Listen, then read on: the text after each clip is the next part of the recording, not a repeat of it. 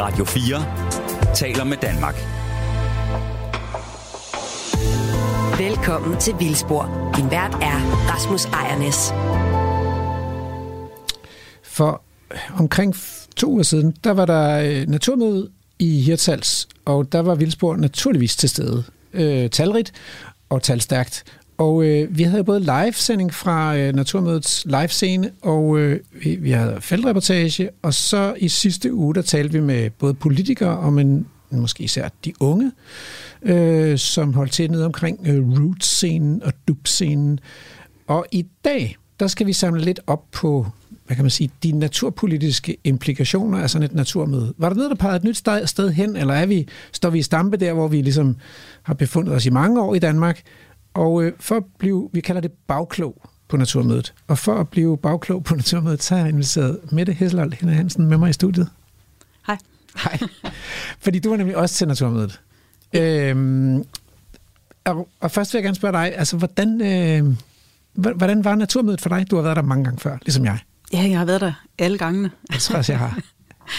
øhm, det, ja, det er et af årets højdepunkter for mig. Det er en festival af, om natur med natur. Og der, altså jeg, jeg, er bare, jeg bliver altid en lille smule panisk op og, og prøver sådan at løbe fra sted til sted. Og nu der er jo øh, omkring 500 forskellige begivenheder, og de her øh, fem store scener, og så er der Village med alle de her stande, og der sker noget hele tiden, og det er umuligt at vælge. Og jeg har standvagter derop for Dansk Ontologisk Forening og for mit arbejde, og så jeg bliver en lille smule forpustet, og så når jeg kommer hjem, så får jeg lidt post naturmøde blues over alt det, jeg gik glip af. Ja, det lyder som uh, Story of My Life, så, så vi skulle jo lave radio, og så var der skulle også lige være med en debat her, og en debat der, og så var der også... Og når man så ligesom begynder at bevæge sig fra et telt til et andet telt, så møder man jo nogen, man kender, som man ikke har snakket med i lang tid. Og det føles indimellem lidt som at komme ind i et computerspil, hvor alle dem, man, man kender fra de sociale medier, de pludselig befinder sig inde i det der spil. Det var meget uvirkeligt på mange måder. Men meget godt. Øhm, okay, var der et eller andet, der gjorde særligt indtryk på dig i år? Er der et eller andet, du tager med? Et hovedindtryk? Altså, øhm, jamen, lidt øh, det naturpolitiske topmøde med partilederne, fordi, det, fordi det, det er enormt sjældent på naturmødet. Der er jo virkelig alle interessenter, og mm. der er alle holdninger, men det er enormt sjældent, at man hører publikum buge. Det gjorde de faktisk der. Og jeg havde tre studerende med, som var der for første gang. De sagde, de var til den debat, så hørte de ikke flere politiske debatter, fordi det bliver alligevel bare mudderkastning, sagde de. Og der har naturmødet altså aldrig været før. Og, og det kommer vi simpelthen til at tale lidt mere om i, i dagens time. Jeg vil sige, at, eller i dagens program, jeg vil sige, at noget af det, der gjorde indtryk på mig, det var sådan, at det var som om momentum, det flyttede sig lidt fra de store scener og ned omkring de, den, altså roots, de unge. Det, det er dernede energien er, altså. Men det var jo mange år før, de overtager verden. Desværre. Nå, men jeg har, øh, jeg, jeg foreslår, at vi starter med en debat, som måske, nu har vi snakket meget om store dyr og, og vilde naturparker, men ikke så meget om, om det der, øh, den arealanvendelse, der hedder landbrug, som fylder, i virkeligheden fylder det meste i Danmark, og, øh, og hvilken rolle det spiller for Danmarks øh, natur og biodiversitet. Og jeg deltog i en debat om pesticider i SF's telt, og panelet i dagens debat bestod af Knud Flensted, naturpolitisk rådgiver for DOF, Dansk Ontologisk Forening, Anders Panum Jensen, miljødirektør i Landbrug og Fødevare, Marianne Bigum fra SF og Per Husted fra Socialdemokratiet. Ja, og så naturligvis deres vært Rasmus Ejnes. Og øh, den har vi optaget et lille klip fra. Det kommer her. Men jeg vil gerne starte øh, øh, med, med, med dig, Knud, fordi at der er jo meget diskussion omkring pesticider. Det er der jo sådan set hele tiden, og hvad er det, det gør. Særligt her vi er oppe og omkring det drikkevand, altså det, vores grundvand og drikkevand. Men, men det har jo også andre øh, betydninger ude på vores øh, marker, øh, særligt når vi er så opdyrket land, som man er i Danmark. Og i EU er der jo snak om om øh, både regulering, men også decideret forbud, blandt andet glyfosaten der er oppe at vende igen igen, som jo er så tit. Øh, hvordan, hvor står I henne i forhold til de her pesticider? Hvad tænker I? Er der en øh, stor udfordring med dem, som det er i dag? Eller øh, skal vi bare øh, give også og køre videre, som vi gør på nuværende tidspunkt? Jeg er et ledende spørgsmål måske, men... Øh... Totalt ledende, det kommer det til at være. Jeg, jeg kommer ikke til at skjule helt, hvad jeg selv tænker. Altså, altså helt, øh, hvis vi bare lige går lidt tilbage i historien, så har pesticider og fugle, øh, det har jo været et, øh, et issue i rigtig mange år, fordi at fugle var nogle af dem, der var med til at pege på, øh, eller kan man sige, åbne øjnene for, at øh, pesticider kunne være farlige. Ikke bare fordi det blev sprøjtet ud for, hvad enten det var insekter eller ukrudt eller øh, otter, eller hvad man ellers bruger giftstoffer overfor, men at det faktisk kunne ophobes i fødekæden og slå blandt andet småfugle ihjel og rovfugle ihjel og så videre øh, med DDT og andre øh, giftstoffer øh, har vi haft udfordringer med. Mange af dem de er så efterhånden blevet forbudt, øh, men der er stadigvæk rigtig mange pesticider, og man sige, der, der er kan man sige, nogle af problemerne er løst, men der er også mange ting, vi ikke ved endnu. Og, og derfor så, som rent instinktivt, så tænker jeg jo, at det, at det er godt at have et, øh, et, et forbud mod den slags, og så kun tillade dem, hvor man er fuldstændig sikker på, at det ikke er farligt, hverken for, for naturen eller, eller mennesker eller øh, drikkevandet for den sags skyld. Altså at det kan på en eller anden måde få indflydelse på, på vores liv. Så, øh, ja, så, så pesticider det er noget, som vi i udgangspunktet er, er, er skeptiske og kritiske overfor, og kun mener, man skal tillade i sådan ekstraordinære tilfælde. Mm. Tak. Øhm, Rasmus, det er jo dig, vi øh, alle plejer at ringe til, når man skal høre noget om, om biodiversiteten her i vores, samf- i vores land, og hvordan vi kan gøre noget ved det, og få, få, få vendt øh, udviklingen øh, i forhold til den. Hvordan, hvordan ser det ud i forhold til den her problematik omkring, hvordan det er, vi, vi, vi driver vores øh, landbrugsproduktion Øh, produktion med pesticider og stort pesticidebrug, som der jo, som der jo er. Har det nogen indvirkning i forhold til, til, øh, til vores natur og biodiversitet, som, som vi kigger på? Altså jeg vil nok sige, at jeg mestendels opfatter det som, et, som noget, der skal løses inden for rammerne af vores sundhedspolitik, eller inden for rammerne af vores landbrugspolitik, altså hvordan vi dyrker landbrug, og hvilke niveauer af giftstoffer vi vil acceptere i vores grundvand. Når det kommer til biodiversiteten, så ligger det langt nede på en prioriteringsliste over, hvad der er vigtigt at gøre for at redde Danmarks troede biodiversitet. Altså det handler egentlig mere om, hvor vi vælger ikke at dyrke landbrug. Og det er alle slags landbrug. Og der kunne jeg godt tænke mig også at, lave sådan en lille sammenligning med, altså pesticider er et værktøj, og det der er problemet med pesticiderne, det er formålet med at anvende værktøjer. Så altså, det er lidt ligesom, at man kan sige, at en kniv er et værktøj, og den er rigtig god at have i køkkenet, hvis formålet er at lave noget god mad. Og det er rigtig uheldigt at have den i nattelivet, hvis formålet er at komme i klammeri. Ikke? Øh, men det, det er bare en kniv, altså. Men jeg, jeg vil næsten, jeg tror, jeg er kommet lidt i fedtefadet, ved jeg på et tidspunkt har sagt, man kunne simpelthen godt bruge pesticider til at lave biodiversitet med. Fordi pesticider slår jo noget natur i ihjel, og øh, det er jo en effektiv måde, som naturen også selv bruger til at skaffe plads til nyt liv.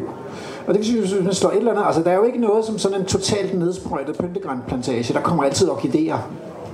Altså der kommer virkelig ofte skovhullæber i den der. Så man kunne godt, hvis, hvis man ville det, så ville jeg vil påstå, at jeg kunne lave ret meget biodiversitet med, med, med noget Roundup, altså hvis jeg fik lov til det. Så det er, det er hensigten, der mm. den er gal med. Og der er, må jeg sige, at, bio, at sprøjtegifte er jo så et ret stærkt og effektivt værktøj, hvis man har onde hensigter over for naturen, og det virker selvfølgelig også, og så bliver det jo noget lort, ikke? Jeg er nok, når det kommer til biodiversitet, så er jeg mest bekymret ved den gruppe af pesticider, vi kalder biocider. Altså for eksempel øh, de giftstoffer, der er brugt til gnaver, som jo øh, går videre til de rovdyr, øh, både rovfugle og, og pattedyr, øh, som æder de der gnaver. Ikke? og som er sådan nogle øh, giftstoffer, der får dyrene til at bløde og dø af deres ældreblødning og sådan noget. Og man har påvist de her giftstoffer hos de her dyr. Og så nogle af de øh, ormemidler, som ender i kokasserne og hestepærerne hos dyr, der græsser ud på naturarealer og slår den øh, gødningsfagne ihjel, som ellers skal leve i de her øh, kokasser og hestepærer. Så der er nogle, stadigvæk nogle udfordringer der, som, hvor pesticiderne ender ude i naturen på en uhensigtsmæssig måde. Tak. Øh, Anders, vi har jo vi har diskuteret pesticider før, øh, og, og ikke altid øh, eye to eye enige på, på, på, på dagsordenen, men, men, men jeg synes, det kunne være interessant at spørge jer, fordi der er jo meget diskussion, blandt andet glyfosat. Vi har også op at vende nu selvfølgelig PFAS'erne, som der også er en del øh, øh, forskellige pesticider. Mener I, der er behov for mere regulering øh, på, på EU-plan i forhold til at få styr på brugen af det? Øh, fordi det har jo en indvirkning. Vi finder, det jo, vi finder jo rester i vores, i vores øh, miljø øh, af pesticiderne andre steder end der, hvor det egentlig var tiltænkt, at de var brugt fra jeres side. Ja tak. øh, vi er tilhængere af, at vi i Danmark også i EU, men i særlig grad i Danmark, har en meget restriktiv tilgang til pesticider. Og og det rimer jo lidt på det, du sådan siger, Knud, der egentlig. Altså er målet, at vi kun bruger det der, hvor det er allermest nødvendigt. Vi har det udtryk, der hedder... Øh, så, så lidt som muligt, så meget som øh, nødvendigt. Og så er vi under alle omstændigheder helt optaget af, at de midler, vi bruger, og dem bruger vi jo ikke for sjov, det er jo for at, at bekæmpe svampesygdomme, insektangreb, øh, at afgrøderne bliver kvalt i ukrudt, hvilket jo hvis de får lov til det, vil kræve meget mere landbrugsareal til at producere de fødevarer, vi har brug for. Så vi er jo meget optaget af, at de midler, vi så bruger, at de er øh, godkendt af myndighederne under streng kontrol for at sikre, at de ikke ender i grundvandet. Og når vi finder pesticider i grundvandet i dag, så skyldes det jo, at vi engang havde en ikke streng tilgang til det her. Tak. Og det, øh, det kommer vi også tilbage til øh, at diskutere mere om. Men øh, først til dig, øh, Per, øh, og, og velkommen hos SF. Altså, vi, vi tænker jo til stadighed, I har brug for gode venner øh, her på venstrefløjen i Socialdemokratiet, og særligt når det kommer til den grønne dagsorden, kan vi, kan vi forstå for tiden. Øh, der er jo rigtig meget diskussion, øh, netop også fordi nu har hele diskussionen omkring PFAS kørt i øh, de sidste par år, og der er jo så været sendt et brev fra blandt andet Danmark øh, til, til kommissionen omkring, nu skal vi i gang med at forbyde, og man kommer med den her liste med 10.000 forskellige PFAS'er, man så vil forbyde om, om rigtig mange år igennem EU-systemet. Men, men hvordan er jeres tilgang så i forhold til også at gøre noget ved, ved brugen af det i, øh, i pesticiderne ude på vores landbrugsjord? Skal der også ske en, en, øh, en regulering der? Altså, der er jo ikke meget i, altså, der er i regeringsgrundlaget, som nu er, er det med. Jeg vil lige sige mange tak for invitationen. Jeg er rigtig glad for at komme hos SF. Øh, især min kone har meget stor sympati for jer. øh, og hvad hedder det, og den her debat, jeg har siddet i byrådet også, hvor man har haft med, at man øh, i, i forhold til, til øh, vand, vand øh, osv., hvor man jo ser, at der er pesticider, men hvor der er en evig kamp med landbruget også, og med alle om at, egentlig at, få, at få frigjort de arealer, hvor man, øh, som er nødvendige i forhold til vandboringerne. At det er jo sådan nogle diskussioner, vi egentlig burde have løst for, for lang tid siden. Og nu snakker jeg lidt udenom dit spørgsmål. Det er fordi, jeg har ikke, jeg synes ikke, vi gør nok. Så, øh, men altså, der, der bliver jo egentlig ganske fornuftigt sagt her, at vi skal bruge det med omtanke. Og helst, altså, helst ikke bruge noget. Men så må jeg samtidig også sige, når vi kigger på verdensplanen, vi har en voksende befolkning. Vi kan, hvis vi skal brødføde den befolkning, så er der jo nogle, øh, så er vi nødt til at have mange ting i spil. Og det, man, øh, det er man også nødt til at have med ind i, i diskussionen. Tak. Marianne, nu, nu er du så, øh, altså selvom du sidder på scenen som gæst, så er du også lidt øh, vært, fordi du, du, øh, du er jo vores ordfører på, på, på natur, på EU, og meget af den regulering, vi snakker om, den kommer jo fra EU. Øh, øh, niveau og bliver så implementeret øh, i de forskellige lande. Øh, og, og næsten når man lidt hører diskussionen her, så lyder alt jo som om, at det er fryd og gammel, fordi at, at alle er enige om, at der skal øh, bruges så lidt som muligt, og så præcis som muligt og så videre. Hvordan ser du den diskussion lige nu? Altså, hvad ser du af behov? Øh, skal, vi, skal vi virkelig skrue på reguleringsknappen i forhold til glyfosaten, i forhold til nogle af de andre øh, øh, øh pesticider, der er? Eller hvad er det? Hvad tænker du, der skal til på nuværende tidspunkt? Fordi at vi finder jo rester og ja, det tager jo noget tid, før det kommer ned i grundvandet, så det er jo af gode grunde gammelt. Jamen altså, øh, ja, vi synes jo, der skal være et totalt øh, giftfri øh, landbrug, og det må ligesom være den målsætning, vi går efter. Og så er jeg jo helt enig i, at det kan handle rigtig meget omkring sundhed, som ligesom er, er den vigtigste øh, parametre, øh, og mindre omkring øh, biodiversitet i sig selv. Men sundhed er trods alt også vigtigt. Øh, så vi vil jo meget gerne have udfaset de her øh, brug af de her giftstoffer og pesticider og glyfosat øh, øh hurtigst muligt ved forbud. Og vi er jo rigtig glade for, at regeringen er gået ned og har fået samlet den her koalition af lande i forhold til øh, forbud øh, mod, mod øh, PFAS-stofferne. Vi havde så gerne set, at det også omfattede landbruget, men for at få den der koalition, kan vi forstå, at det var det her argument, eller det, det kompromis, der var nødt til at lave. Altså, jeg tror, vi kan gøre det meget bedre i forhold til vores landbrug, og, øhm, og, og sørge for, at der ikke kommer gift. Og det, det er rigtigt nok, altså der er den her debat om, at når jo, men det er jo fortidens synder, og der er ikke noget problem i dag og sådan noget der, men, men vi havde faktisk KL forbi den anden dag i Europaudvalget, som øh, eller Miljø- og Fødevareudvalget, vi sad på Europaudvalgets lokaler, så nu skal lige huske. Men som jo netop, der blev det også stillet det her spørgsmål, det er bare simpelthen, vi finder det, vi, vi finder det, vi søger efter, også de nye stoffer. Så, så de er jo også sådan meget optaget af, at, at det er simpelthen, og jeg, jeg synes, jeg tror, at hvis vi skruer tiden tilbage, så ville de også have sagt, nå jo, men det er jo nye stoffer, der er godkendt, og der er alt muligt. Og jeg, jeg synes, vi gambler faktisk med vores drikkevand og vores sundhed ved at blive ved med at tillade det, når der er andre alternativer.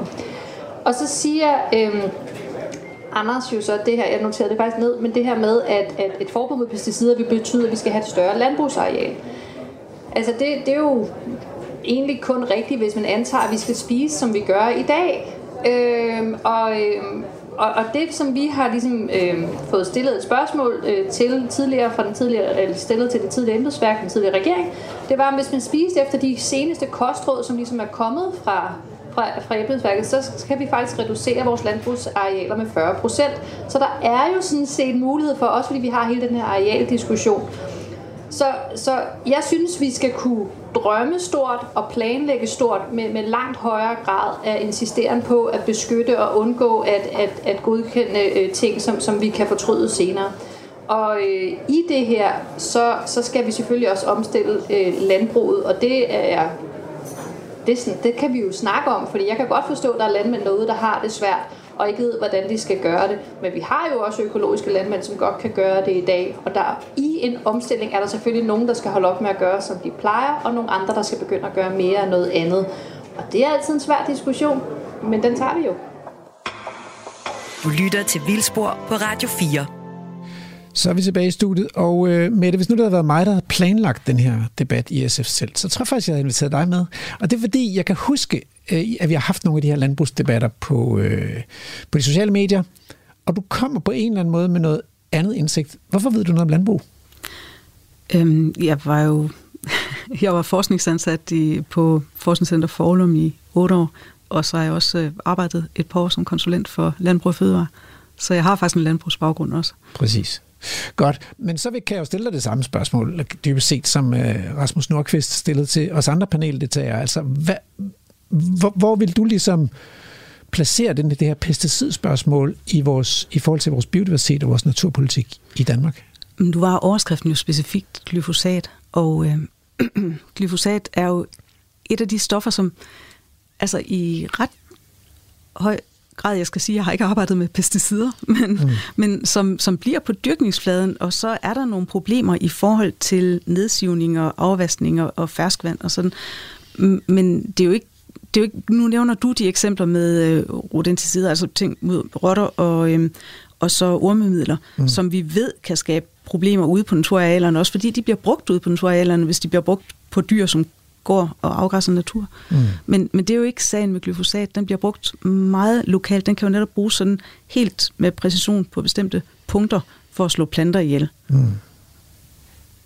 Jeg hører dig sige, at det, det, det tænker du ikke. Det er ikke et hovedissue i forhold til den biodiversitetskrise i Danmark. Ikke glyfosat, nej. Altså glyfosat er modbydeligt af andre grunde.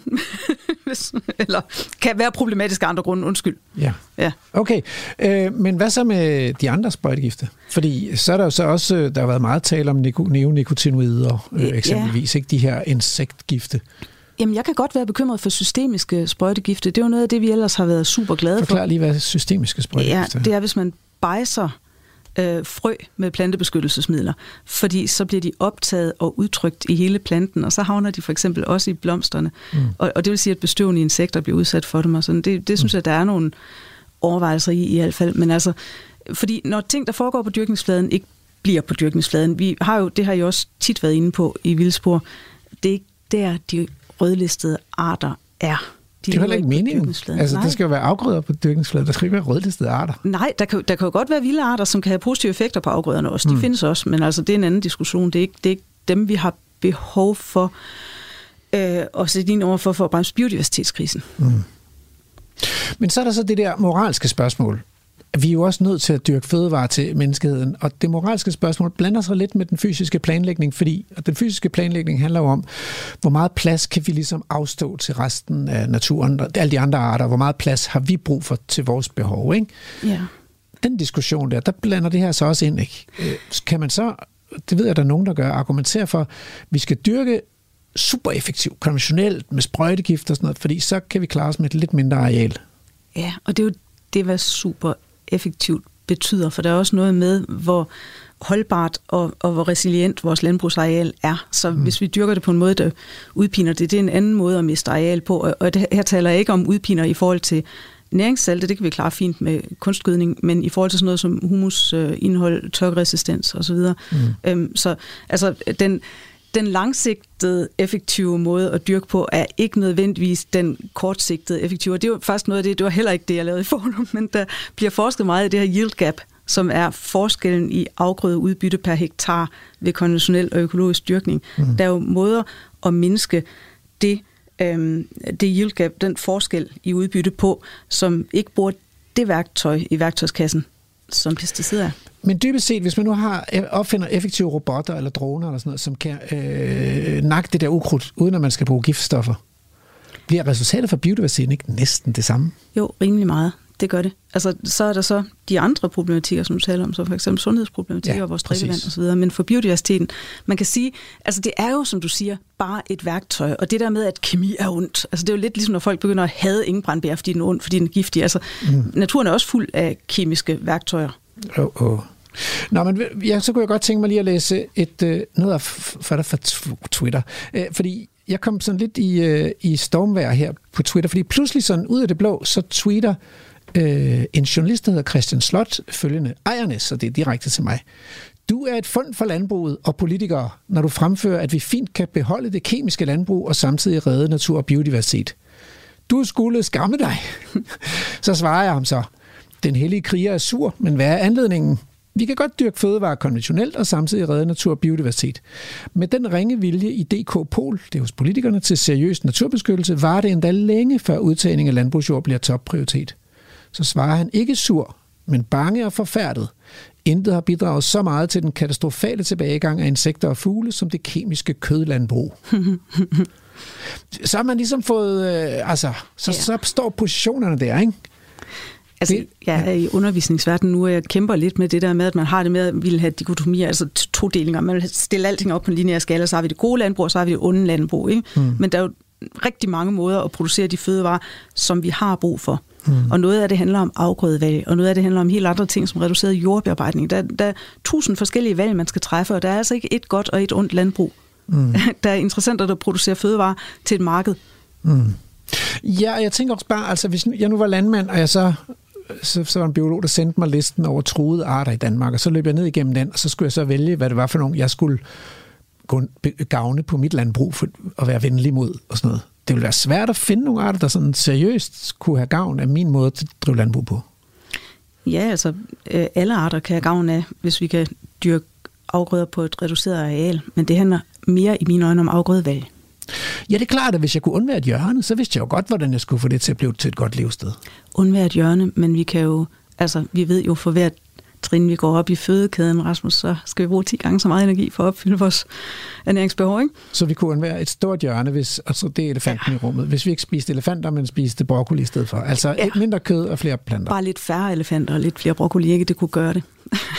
så, så, og det kom vi jo også rundt om i den debat her, at i virkeligheden så handler løsningen af mange af de kriser, vi mennesker forårsager, om at vi skulle tage og prøve at bruge lidt færre ressourcer og lidt mindre plads. Det handler om at bruge vores areal på en intelligent måde, og der er pesticider ikke nødvendigvis nødvendige. De er et værktøj i kassen. Præcis. Okay, så, men så var det sådan, at Emma efter den debat fangede en uh, tilhører, Clara Fischer Stefansen, en ung kvinde, som så stillede et spørgsmål. Så det tager vi lige med, det her spørgsmål, for det skal vi nemlig svare på. Og du stillede jo faktisk et spørgsmål, som... Altså, synes du, du fik et ordentligt svar på det, eller... Øh, nej, der blev nok talt lidt øh, udenom, ikke? Altså, men det er måske også svært at, øh, at pege på, for jeg tror, det var et meget ligefrem spørgsmål til, hvorfor er vi ikke kommet længere, ja. når alle sidder og nikker til, at det måske ikke er så smart, det der.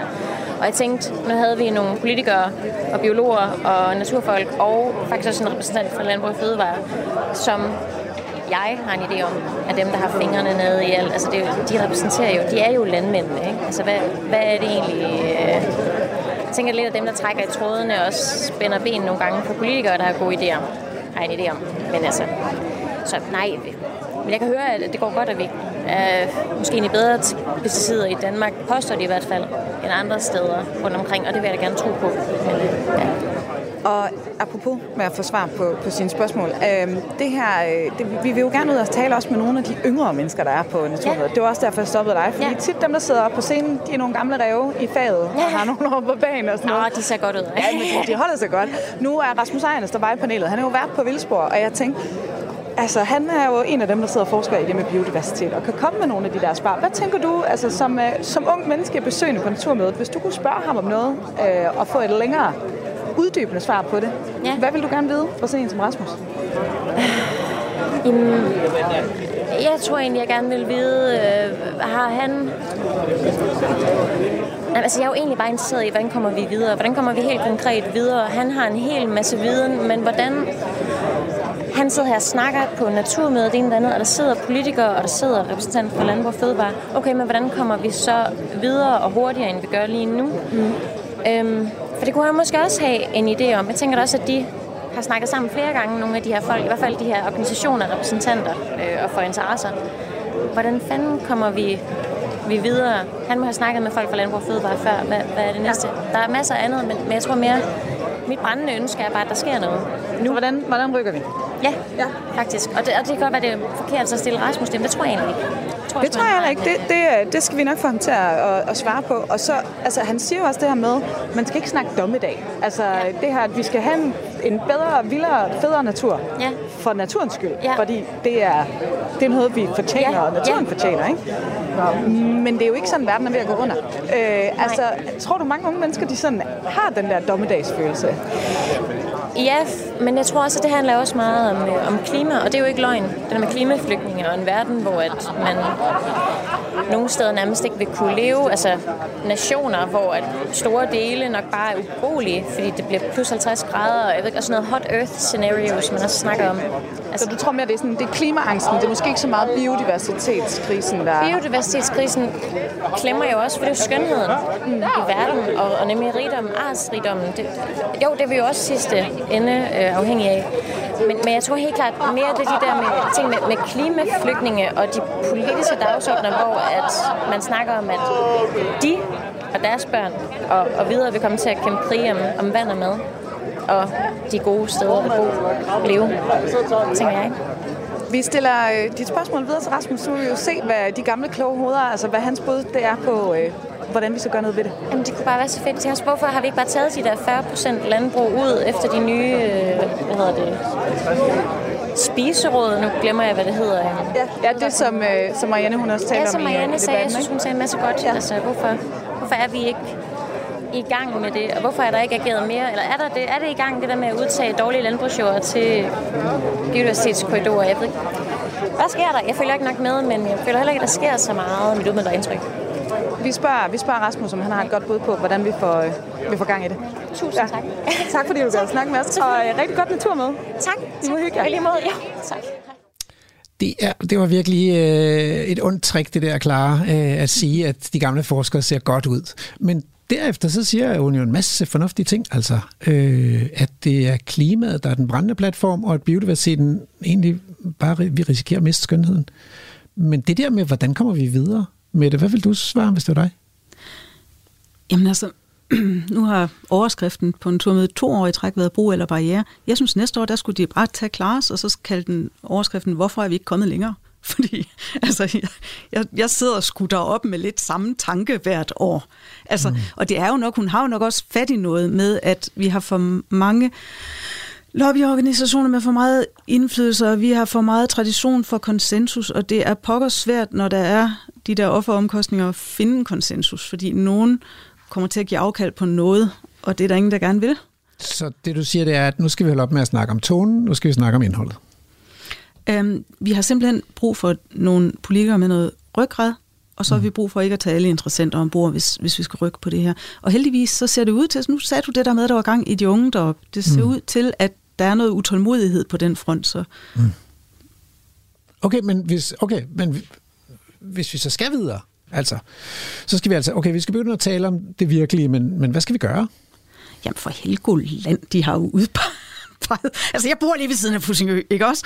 Nu, øh, det, den første, det var Jakob Ellemann, der indvidede den Jacob naturnational... Det er ja, altså længe siden. det var, da han var miljøminister. Han var også på en tur med, og han indvidede den øh, naturnationalpark, og alle jublede osv. Og, og lige nu der ligger den i øh, et eller andet planklagenævn, fordi at det høje hegn, tilladelsen til det var ikke søgt på den formelt rigtige måde, eller et eller andet. Og det, det bliver bare hele tiden sparket til hjørne.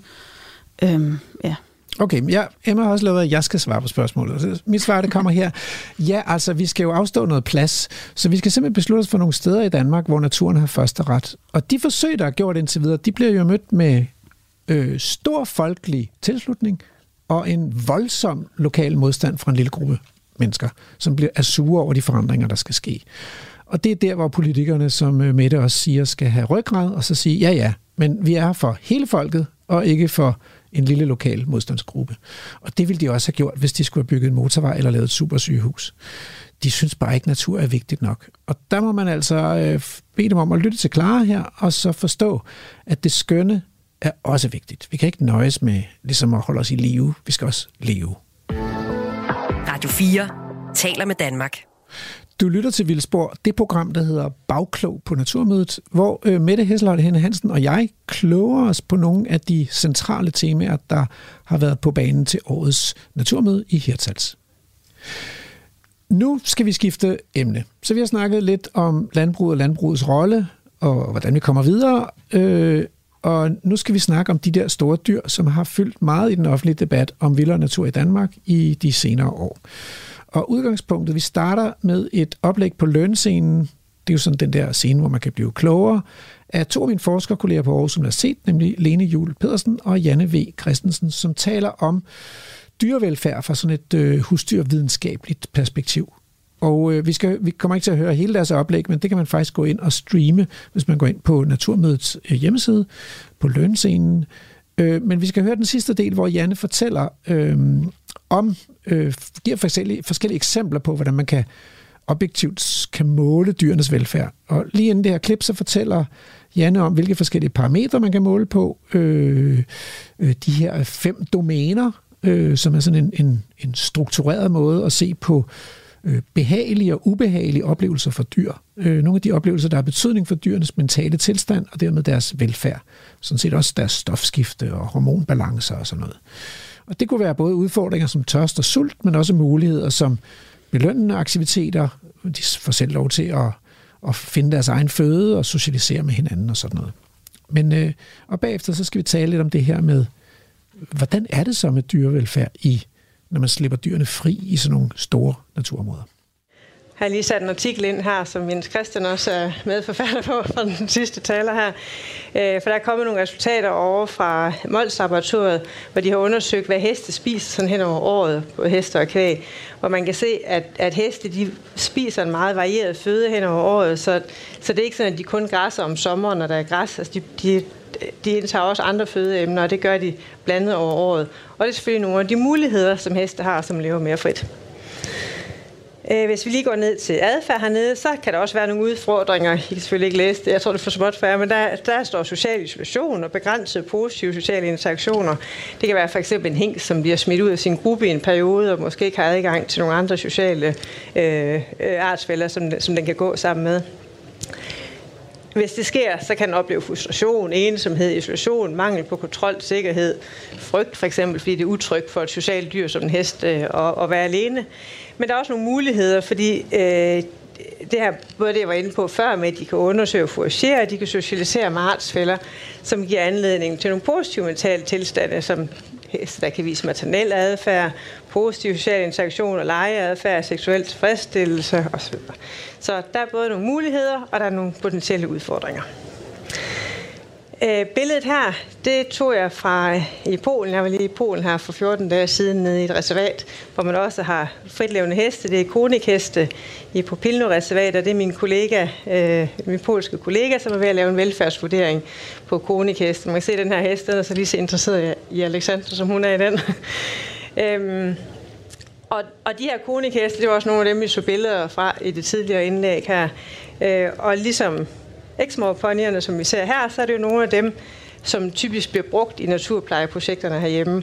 Og vi betegner jo typisk kronikhæsten og eksmorponierne som vilde heste. Det er det selvfølgelig ikke, fordi det er jo de rigtige vilde heste er jo uddøde. Det tætteste, vi kommer på det, på en, en vild hest, der som sådan, det er Stravalski-hesten, der det, det er fra et reservat nede i det sydlige Ukraine, hvor jeg var i mit forbindelse med mit speciale projekt i biologi for mange år siden. Øhm, men hvor, hvorimod de andre her betegnes nogle gange som, som vilde heste, men det er selvfølgelig altså, øh, tamme heste, som lever mere eller mindre vildt i forskellige projekter. Jeg har lige en lille smule video. Jeg ved ikke, om du kan tænde den der nede for dig. Det er også fra Polen. Og jeg ved godt, det kan være lidt svært at se, men det, I skal lægge mærke til her, det er hængsten, den, den lyse hængst, der er her. Øhm, der, det er to hængste. Den, øh, den mørke til venstre her, det er harmshængsten, så det er den gamle hængst, som har hopperne.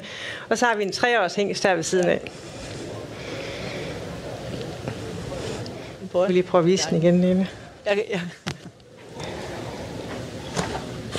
Var der nogen af jer, der lagde mærke til, hvad den gjorde?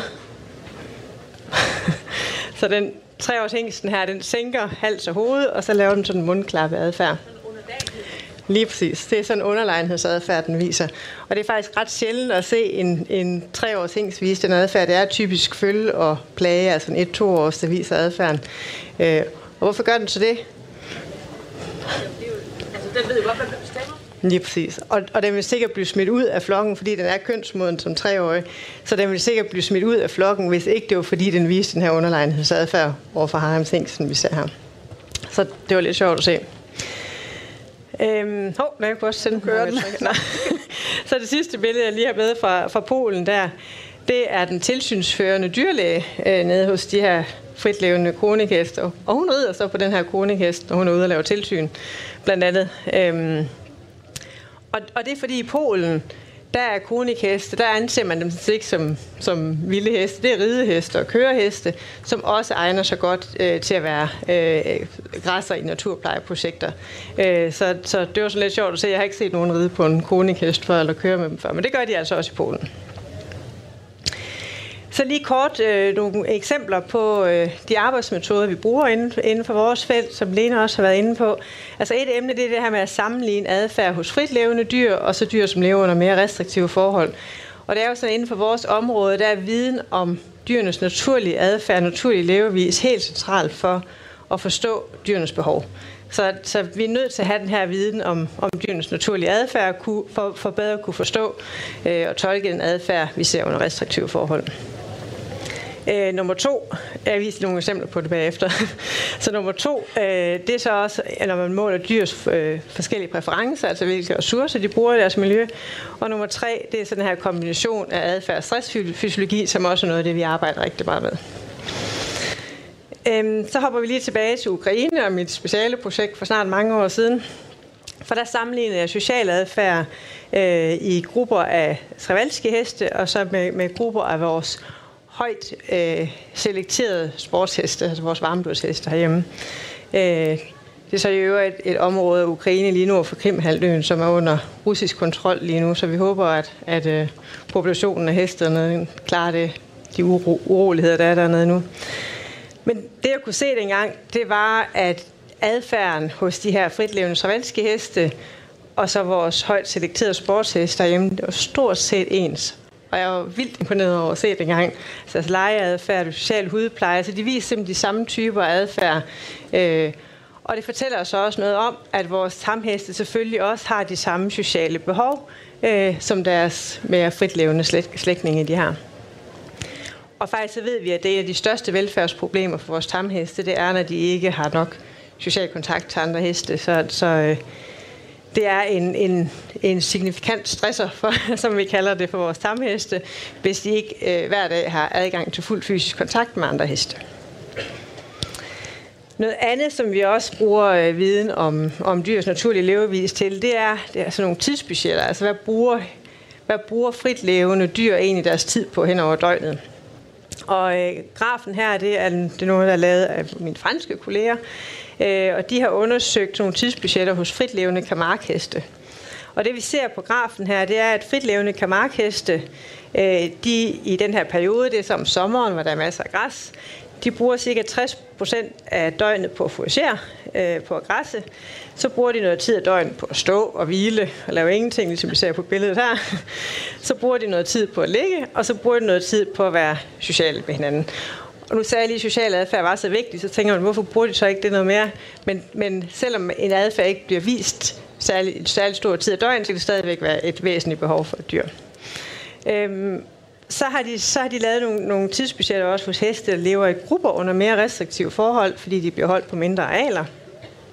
Men de har stadigvæk fri adgang til social kontakt og fri adgang til hø øh, og grovfoder øh, og, og mulighed for at græsse. Og så kan man se, at de heste havde faktisk stort set samme tidsbudget. Så hvis de lever under sådan nogle forhold i sociale grupper og med fri adgang til grovfoder, så viser de faktisk stort set samme tidsbudgetter som de mere fritlevende dyr. Og det er klart, at hvis der nu er nogle perioder for de her, for kamarkhestene, hvor der er fødebegrænsning, så vil man jo forvente, at den her del her, den, den stiger den tid, de bruger på at få Hvis vi rykker en tand længere ud her, så er det heste, øh, som bliver holdt på stald, øh, som stadigvæk har mulighed for at, øh, at, at fouragere. De får har masser af hø, men selvfølgelig ikke mulighed for at græsse. Og der kan vi se, så stiger den her tid, øh, de bruger på bare at stå og lave ingenting. Øh, og deres mulighed for social kontakt med andre heste, den er noget mindre, fordi de kun kan røre andre heste gennem trammer i boksen. Hvis vi så kommer helt herud, så er det heste, som bliver holdt på stald, øh, og, og fodres primært med kraftfoder. Og der kan man se, hvordan tiden på at, øh, at fokusere den selvfølgelig er markant mindre, og den her periode, hvor hestene bare står og laver ingenting, den er markant større. Og det er i den periode, hvor heste kan udvikle unormal adfærd, øh, og for eksempel stereotypier, som vi ser her. Så det hesten gør her, det er en typisk stereotypi for tamheste. Den er krybbebider. Øh, og så har ejeren så oven i købet synes, det var en god idé at sætte en krybbebider rem på, så hesten, ikke, altså hesten bliver hindret i at vise adfærden. Og det er noget af det, vi ved er en rigtig dårlig idé at hindre et dyr i at vise en motiveret adfærd. Øhm, det næste eksempel, øh, Toren her, det var det her med at måle dyrs præferencer. Og Lene var lige lidt inde på også, hvordan øh, dyr, man, man kan, man kan, det er sådan et ret stort forskningsfelt inden for vores område, hvor man kan få dyr til at arbejde for at få adgang til en ressource.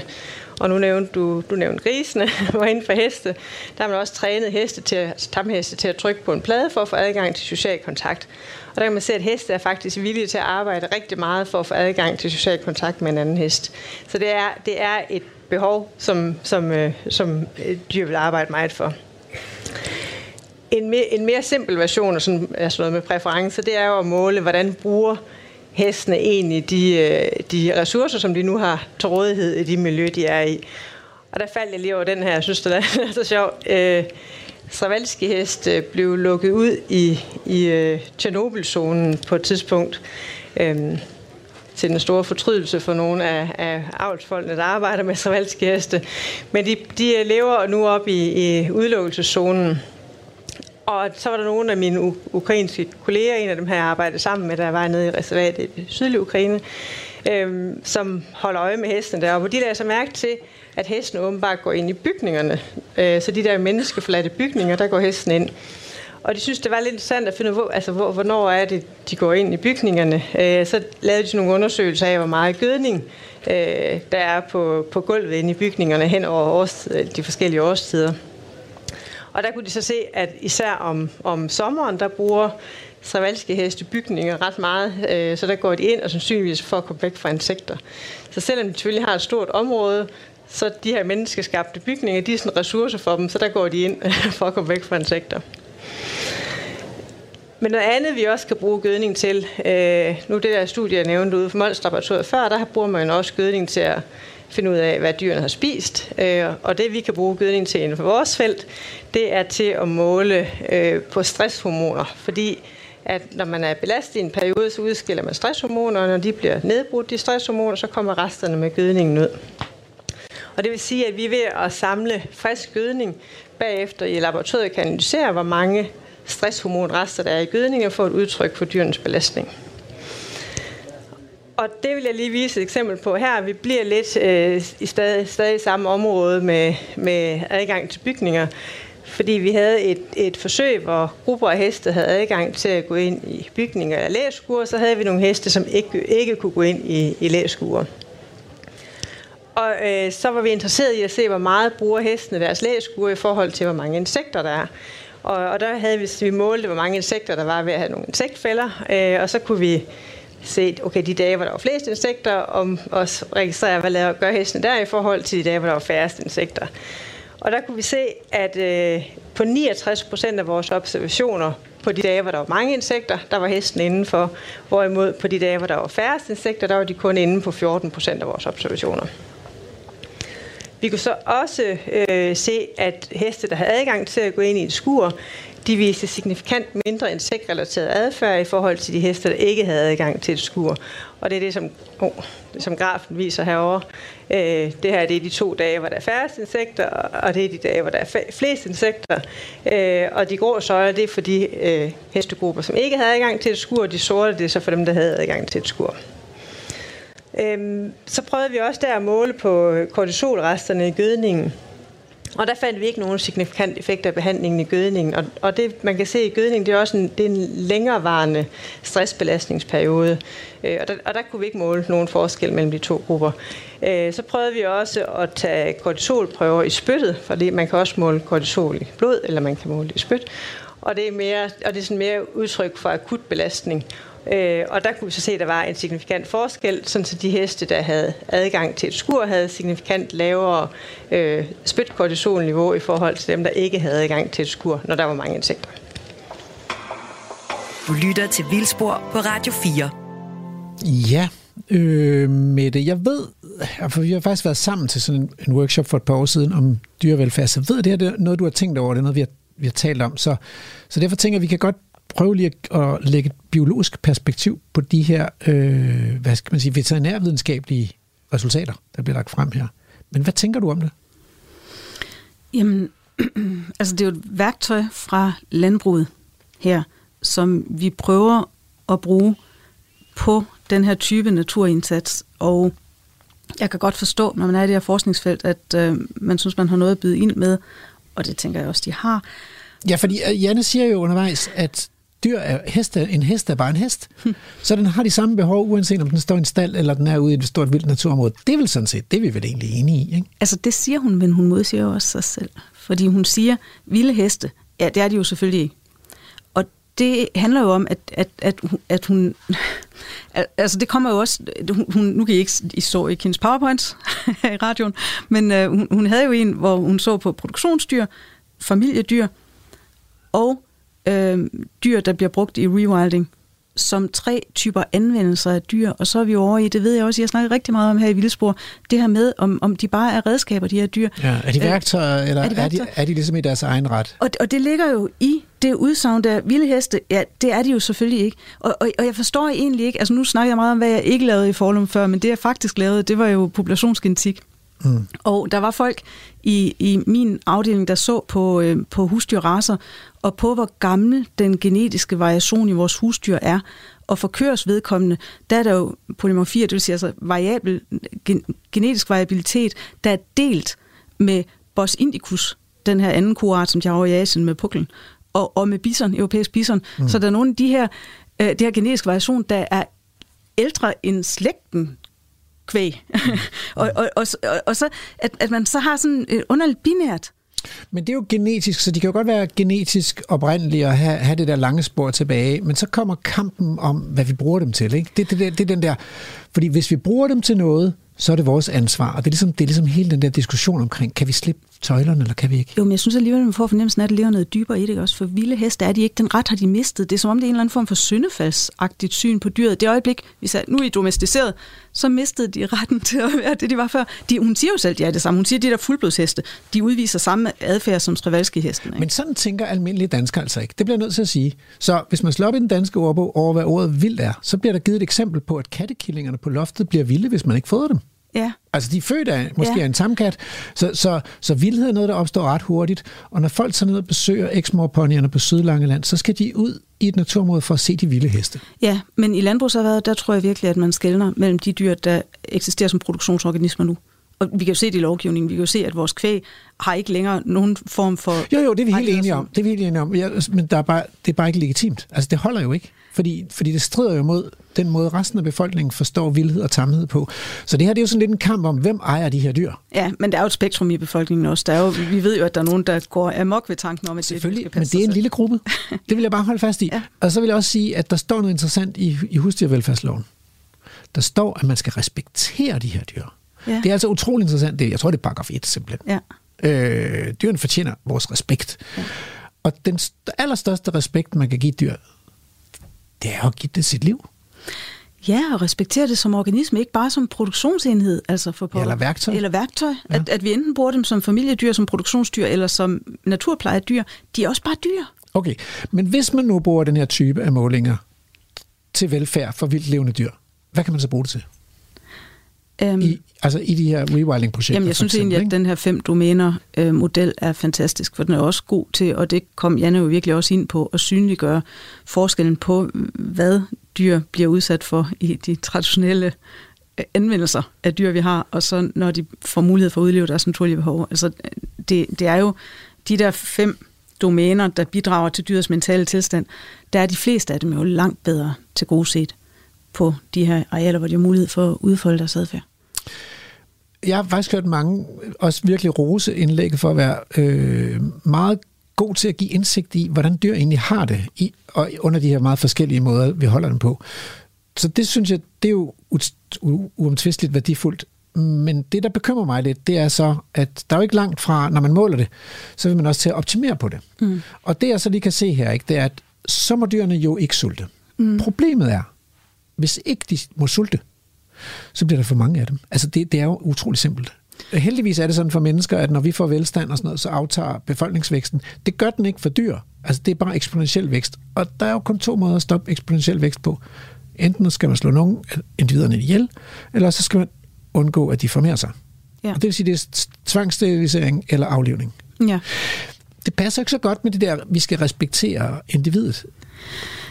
Nej, altså der er jo andre måder at vise respekt på, end ved at minimere lidelse, og nu sagde hun også øh, i en del af oplægget, vi ikke hørte, men det her med, at, at der er ikke noget, der tyder på, at det går ud over kortisolniveauet, eller, eller på anden måde sådan kompromitterer velfærden, når vi kastrerer handdyrene for eksempel. Og, og, og der kan man godt sådan lige tænke som handdyr.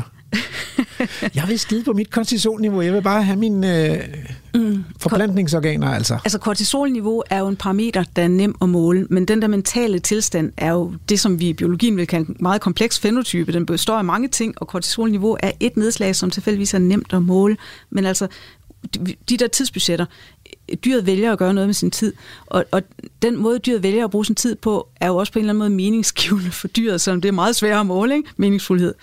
Altså, og så er der det der med, at man kan måle, man, vi skal måle, hvad, hvad dyret, hvad individet foretrækker. Der sker jo bare enormt mange ting i den vilde natur, som individet ikke foretrækker. Der kan fx være rovdyr, der kan være parasitter, der kan være øh, øh, halvdårlig kost i vinterhalvåret, der kan være konflikter mellem dyrene, og nogle af dyrene taber, og nogle af dyrene vinder.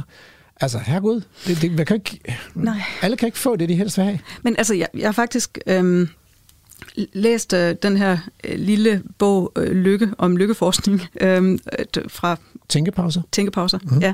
Og øh, altså, jeg har lidt samme problem med lykkeforskning for mennesker, for det er som om, at udsvingene skal minimeres. Ikke? Vi vil mhm. ikke have perioder med højt kortisolniveau. Målt på den parameter, så er det for eksempel heller ikke lykkegivende for mennesker og for børn. Altså, nu har jeg tre. Der vil jeg godt sige noget. Så hvis jeg tænker tilbage på, jeg er 56 år gammel, hvis jeg tænker tilbage på mit liv, og så skal pege på de to vigtigste begivenheder, Altså, så er, det, så er det mine børns fødsel. Det er så sket tre gange, så nu snyder jeg lidt. Men min børns fødsel, hmm. det er virkelig noget, der har gjort mig ekstremt vågen. Men du havde garanteret pissehøjt kortisolniveau. Sikkert, sikkert. Jeg tror, det gik mere ud over min kone end, mig. Jeg, jeg nød det virkelig. Og så, og så er min far død. Mm. Og det er jo den ultimative lykke og den ultimative sorg. Men, men, og så hvis jeg skulle vælge, så havde min far været i live i, i dag. Ikke? Men det var han ikke, og man kan ikke vælge nødvendigvis, hvornår den der sorg indtræffer. Men den gjorde mig præcis lige så vågen, som lykken gjorde. Det er jo ret interessant altså. Så vågenheden, hvis man bruger den som parameter, så er de der ekstreme begivenheder faktisk vigtige for os. Det er ikke simpelt at afgøre i hvert fald, hvad der er meningsfuldt og hvad der er meningsgivende. Altså kortisolniveau alene kan ikke gøre det. Men Nej, og hvis vi alle sammen vælger at kun vælge det gode, så bliver det en meget mærkelig verden, vi kommer til at leve i. Det bliver en flad og farveløs verden, ikke? Mm. Så, så vi er en lille smule skeptiske over for, at man kan erstatte frihed med øh, behagelighed. Ja, men når det er sagt, så kan det sikkert være en nyttig parameter, kortisol. Altså, okay. blandt mange. Vi skal snakke mere om det her i anden time, det her med dyrevelfærd, men nu er der altså nyheder. Radio 4 taler med Danmark. Velkommen til Vildspor. Din vært er Rasmus Ejernes. Og i dagens Vildspor er vi bagklog på Naturmødet, der foregik for 14 dage siden i Hertals. Og vi, det er mig og øh, min medstudievært og Vildspors vikar, Mette Hesselholdt Henne Hansen. Øh, og vi har lige talt om dyrevelfærd baseret på øh, et indslag fra lønscenen om, hvordan man måler dyrenes velfærd, om de har det godt eller ej. Og det slog mig med det, at man kunne jo måske godt bruge det til noget i forhold til naturnationalparkerne, forstået på den måde, at man kunne ligesom etablere sådan en baseline for, hvordan vilde dyr har det. Fordi de har det jo ikke kun godt. De har det også svært. Men hvis nu man tog til Afrika i den savanneområde og målte på, hvordan de vilde dyr har det i sådan rigtig ægte vild natur uden hegn, og dyr, der aldrig har været domesticeret, så kunne man måske sige, at hvis vi kan få, og hvis vi kan få det samme niveau i danske naturnationalparker, så har dyrene det altså godt nok. Ja, så skal man bare være villig til at acceptere dyrene i naturnationalparkerne som vilde dyr, og ikke bare som plejeredskaber. Jo, men altså, under alle omstændigheder, hvis de har det lige så godt som nede i Afrika, så, så, så, mener, så har vi ligesom gjort, hvad vi kunne, ikke? eller hvad?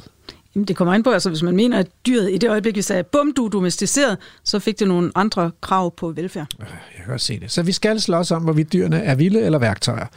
Nå, nu skal vi altså til en øh, debat, øh, som hed Live and Let Die, og øh, som netop handler om det her med, kan vi godt ligesom lad dyrene være rigtig vilde. Og den foregik på øh, øh, Thunderdome-scenen med antropolog Inger Anneberg fra Aarhus Universitet, landmand Henrik Berlesen fra Landbrug og Fødevare, lektor Christian Gamborg, Københavns Universitet, senior Stampe, medlem af Folketinget for de Radikale, og så undertegnet. Og det følger vi jo også med i. Men, men for mig er den her debat stadigvæk meget underlig, fordi når man har været ude og se de her dyr, men når man ser sådan nogle heste gå rundt i en bøgeskov og i nogle flokke, og man ser nogle køer ligge med deres kalve, og så når man jo også har været rundt i diverse stalle, nu skal det ikke handle om landbrug, så, så er det i hvert fald svært at forstå, at vi ikke må sætte det her i gang og studere det. Vi følger netop også ud, vi følger med i, hvordan har dyrene, hvordan opfører de sig. Det er jo, vildt interessant for os faktisk, fordi de pludselig får lov til at være Der er nogen, der ser noget andet dig, når de er derude. De ser jo dyr, der sulter og de, de ser, at dyrene er tyndere øh, om vinteren. Ja, men, men det jeg egentlig bare også lige vil sige, jeg ved godt, det er ikke at det, vi skal snakke om i dag. Og det er ikke fordi... Så synes jeg da ikke. At, nej, nej, nej. og det er ikke... Nej, men det er jo alle de andre dyr. Øh, og det er jo ikke fordi, at vi så skulle... Hvis nu de virkelig led derude, så, så, så kunne vi jo ikke øh, legitimere det. Jeg synes, det ser ud som om, de har en fantastisk liv. Men en af grundene til, at de er derude, det er, at de er forudsætningen for så meget andet liv. Altså, der er så mange arter, som, hvor, hvor koen og hesten er jo deres, ja, Gud skulle jeg til at sige, det er jo dem, der har skabt forudsætningerne for dem. Og, og derfor synes jeg jo, det er uetisk, eller hvad kan man sige, dårlig naturetik, at tage de dyr ud, fordi en del af et skaberværk, og når man tager dem ud af ligningen, så er det gået ud over de vilde urter, så går det ud over, insekterne, så går det ud over fuglene. Det er der jo ingen, der forholder sig til her. Det er jo at tage en brik ud af skaberværket, og så falder det hele sammen. Det er fandme også vores ansvar. Kort kommentar.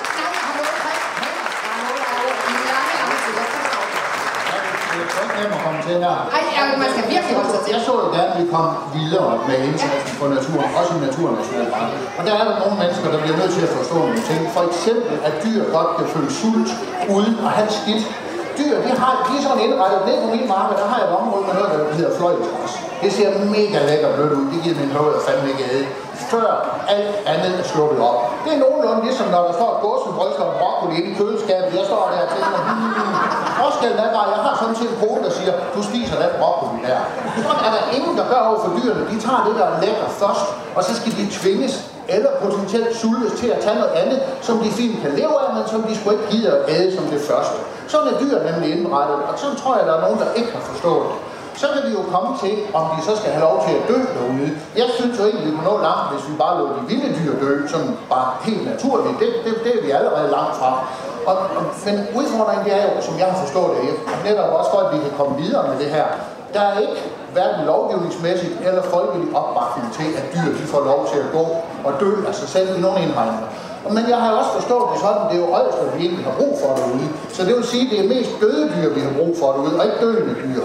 Og så kunne vi jo godt hjælpe dem over det stadie der, og så lade dem ligge derude. Jeg har spurgt vores veterinære i Landbrug og Fødevare, de har egentlig ikke nogen problemer med, at heste og kreaturer ligger derude som ådsler i de her naturområder, og opfylder i hvert fald en stor del af det, vi gerne vil. Øh, de er lidt bekymrede, hvis der er døde grise, og det, det er lidt en anden diskussion, og hvis de begynder at dø i stor stil, så skal man måske også lige tjekke, hvad det nu dør af. Men vi kunne faktisk nå langt, så jeg vil sige, det er ikke også kan blokere for, at vi i hvert fald opnår den del af indsatsen. Det får du et kort svar på, så har vi det.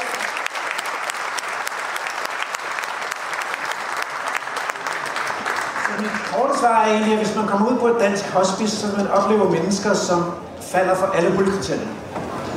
Men vi aflever dem jo ikke af den grund. Vi af, I det hele taget, så er det, så er det etisk uforsvarligt at aflive mennesker. Det er fordi livet er helligt. Og så lyder mit helt enkle spørgsmål der, hvorfor er det etisk forsvarligt at aflive, aflive følende pattedyr? Hvorfor er deres dødsproces ikke hellig? Godt, nu skal vi høre, det siger, vi skal lige nå at lave, jeg ved godt, at der er flere, der har bedt om ordet, men vi, er, jeg ved det godt, Inger, men vi skal også lige nå at spørge alle de dejlige mennesker, der er her. Og derfor, så dem af jer, der har en smartphone, I tager den frem nu, for nu skal vi have en lille hurtig afstemning. Er I klar? Nu skal I tage jeres telefoner frem. I skal logge på øh, Mensi. Det gør I ved at scanne QR-koden i hjørnet af skærmen. Og så skal I svare på spørgsmålet. Skal dyrene i national, naturnationalparker kastreres, så der ikke bliver for mange? Folk, de svarede lige ikke af spørgsmål. Ja, det er jo fordi, de kan læse jo. Det er noget værd noget. Skal dyrene i naturnationalparker kastreres, så der ikke bliver for mange? Og der er nu øh, en 658 mennesker, der har meldt sig på.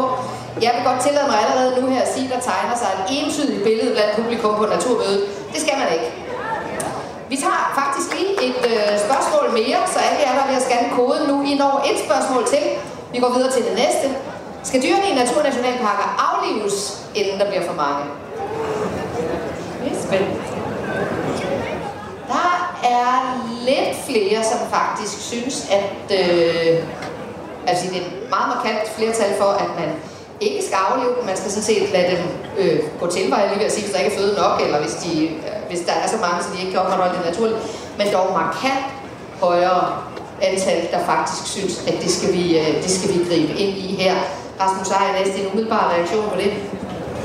Ja, det synes jeg er utroligt glædeligt, og jeg vil sige, at... Altså, du taler om det glædelige, det er i midten, går jeg ud fra. Ja, ja, altså, jeg vil, jeg vil sige, bare som et eksempel, bare for at man ikke skal tænke, at det er vildt utræret, det der foregår lige nu, og det er helt urealistisk.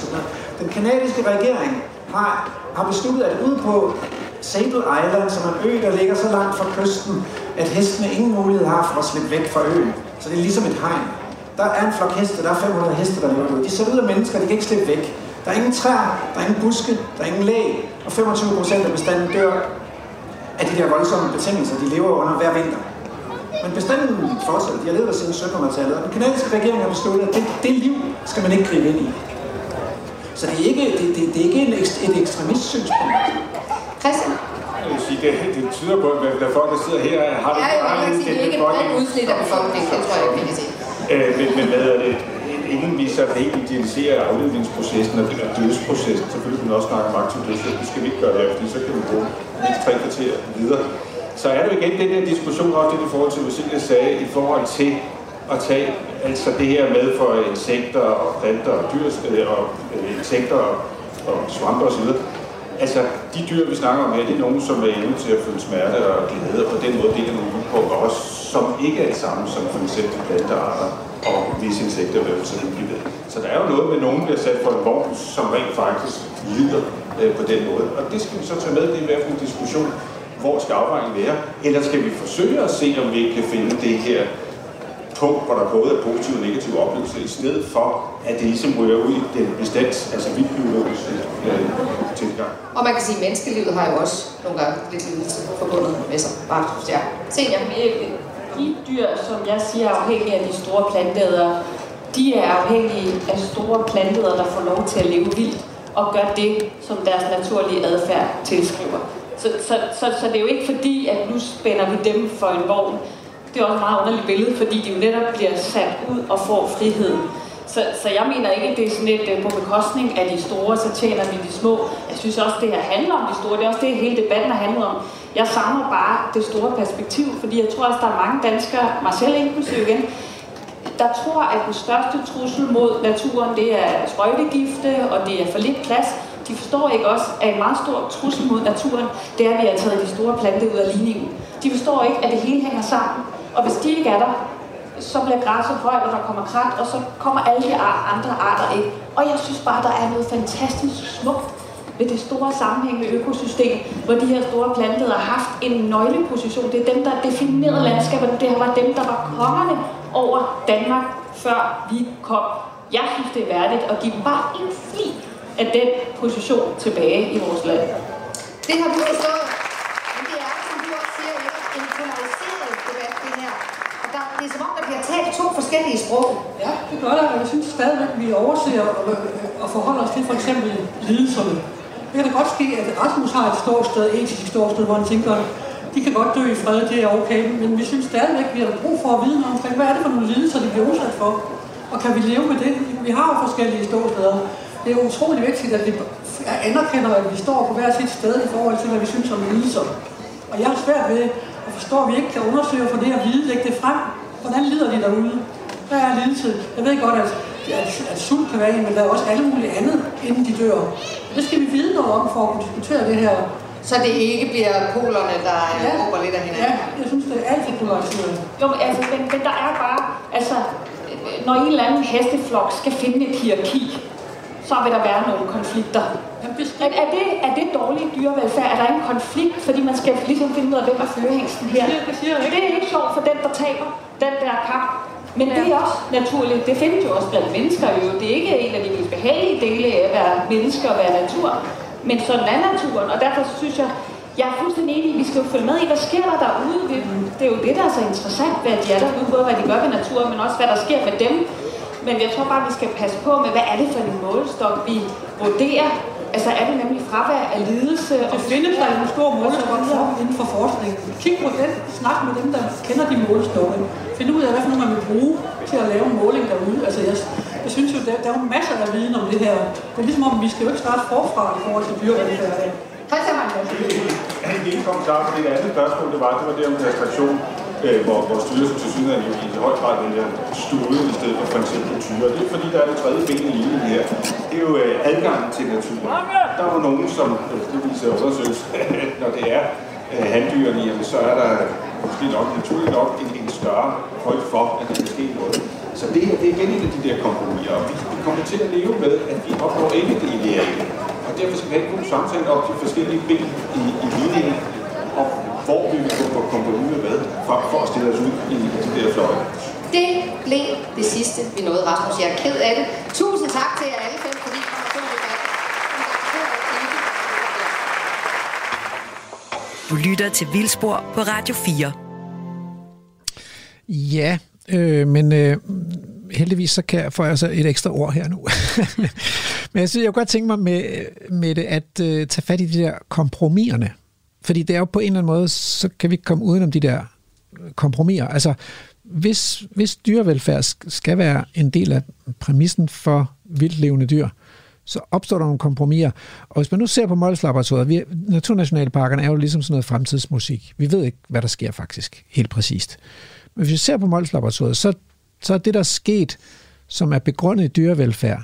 Man har haft den idé på Mols Laboratoriet, at nu skulle det være så vildt som overhovedet muligt, men man skulle holde loven. Ja. Og det, man, den måde, man så har holdt loven på, det er, at man har taget dyr ud. Og det er jo sket dels med aflivning og dels ved fjernelse, altså ved flytning til andre naturprojekter. Og det har man gjort, når, når der var et dyrevelfærdsmæssigt problem. Og der har været to identificerede problemer. Det ene, der har været sult. Der føden slap op i vinteren 2020. Så der tog man mange dyr ud. Øh, indtil der var det gået godt i tre år. Øh, det andet problem, det er for mange handdyr. Så, så man har simpelthen vurderet dyrevelfærdsmæssigt, at de her handdyr var et problem for dyrevelfærden. De slås med hinanden, og de øh, flokkes omkring brunstige hunddyr, og det ser lidt voldsomt ud, når der ikke bare er én førerhængst eller førtyr, men pludselig er tre eller fire handdyr, der gerne vil parre sig med et hunddyr. Så man har egentlig både taget unge tyre ud og unge hængste. Ja, det er jo et fantastisk eksempel på det der med, hvad der sker, når vi øh, glemmer, hvordan de var som dyr. Altså jeg har jo set debatter på Facebook om det her, hvor folk siger, jamen det er unaturligt, at der er så mange tyre, eller så mange hængste. Men for pokker, de har kromosom, kromosomal kønsbestemmelse, ligesom vi har. Så de føder 50-50, altså mm. han og hunder. Og, og, og så er der den der, jamen, i, uh, i vild natur, der ville de unge hanner bare være gået et andet sted hen. Den der forestilling om det der andet sted, hvor mm. dyr går hen. Altså, hvis landskabet her var fuld af vilde kvæg og vilde heste, så ville de jo være der, hvor der var løsteder til dem, og så de gik et andet sted hen, så var der nogen i forvejen. altså. De ville være et sted, hvor de kunne lukke de der brunstige hunder. Ja, og så prøver de jo at komme hen til dem. Det er, ja. jo, det, er jo det, der er meningsfyldt for dem, kan ja. man sige. Så, så hvad tænker du altså, øh, hvad skal vi stille op med det her? Vi kommer fra et landbrugsparadigme. Vi har vendt os til i mange, mange generationer, at de eneste store dyr, der er, og i hvert fald hvis vi snakker heste og kvæg, det er dyr, der er i vores varetægt som produktionsdyr. Vi skal have deres mælk og deres kød og deres pels og deres ydelse, deres trækkraft osv. Det er noget, vi har skulle have. Så det har jo været brugsdyr, og til gengæld for at få dem, så har vi indgået et kontrakt om, at vi skal passe godt på jer, kære dyr, ikke? og I skal tage over hovedet og nok at æde. Ja, så lidelse har været et ledelseskompromis. Det står der også i dyrevelfærdsloven, at vi må ikke udsætte husdyr for unødig lidelse. Men så nødig lidelse? Ja, og det er, det er okay. den lidelse, der, der er nødvendig for vores behov. Præcis. Så når vi siger, nu tænker vi ikke mere på vores behov, så er der stadig være lidelse. Ja, og den er svær. Altså, det ville også være dejligt, hvis der var sådan et land of bounty, hvor man kunne slippe dyrene ud, og hvor de bare sådan... Og så til sidst, så kom de på hospice, ikke? Men det vil der jo være indimellem. Altså, de, de vil jo opleve perioder med fantastiske forhold, og så hårde perioder, og sådan er et liv jo. Altså. Ja, og man kan sige, at øh, dyreliv i, i, i, i Afrika, de starter jo med en ret høj risiko for at dø kort tid efter fødslen. Man bliver taget et rovdyr, ikke? Det var så det liv. Det blev så ikke så langt. Nej. Ja. Men, øh, men, men det, som undrer mig, det er, at, vi kan, at, man, at det lykkes i Danmark at snakke etik, fordi det er det her husdyrvelfærd. Det er, det er jo etik. At det lykkes at snakke etik, uden at, at dem, der kæmper, altså som ligesom påtager sig at være dyrenes stemme i debatten, uden at de overvejer det problematiske i at aflive dyr, at skille dyr fra deres flok, og at kastrere dyr, eller tvangssterilisere dyr. Ja. Det er simpelthen, vi har simpelthen vendt os til, det er så meget. Det gør, at vi sender dyr på slagteri, og vi kører katten til dyrlægen og bliver steriliseret osv., så, så, så det er simpelthen ikke længere et problem for os.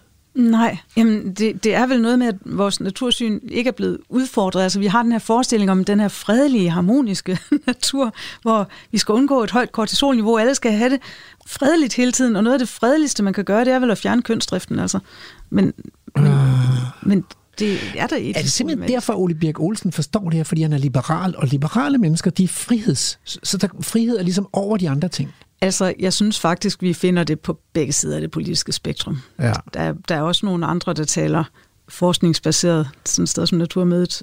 Øh, nu var Ole Birke Olsen der desværre ikke. Nej, det var han ikke. Nej, det var senior. Hende skal vi, mm. øh, har vi jo hørt fra her i debatten. Hun talte faktisk også om dyrenes frihed.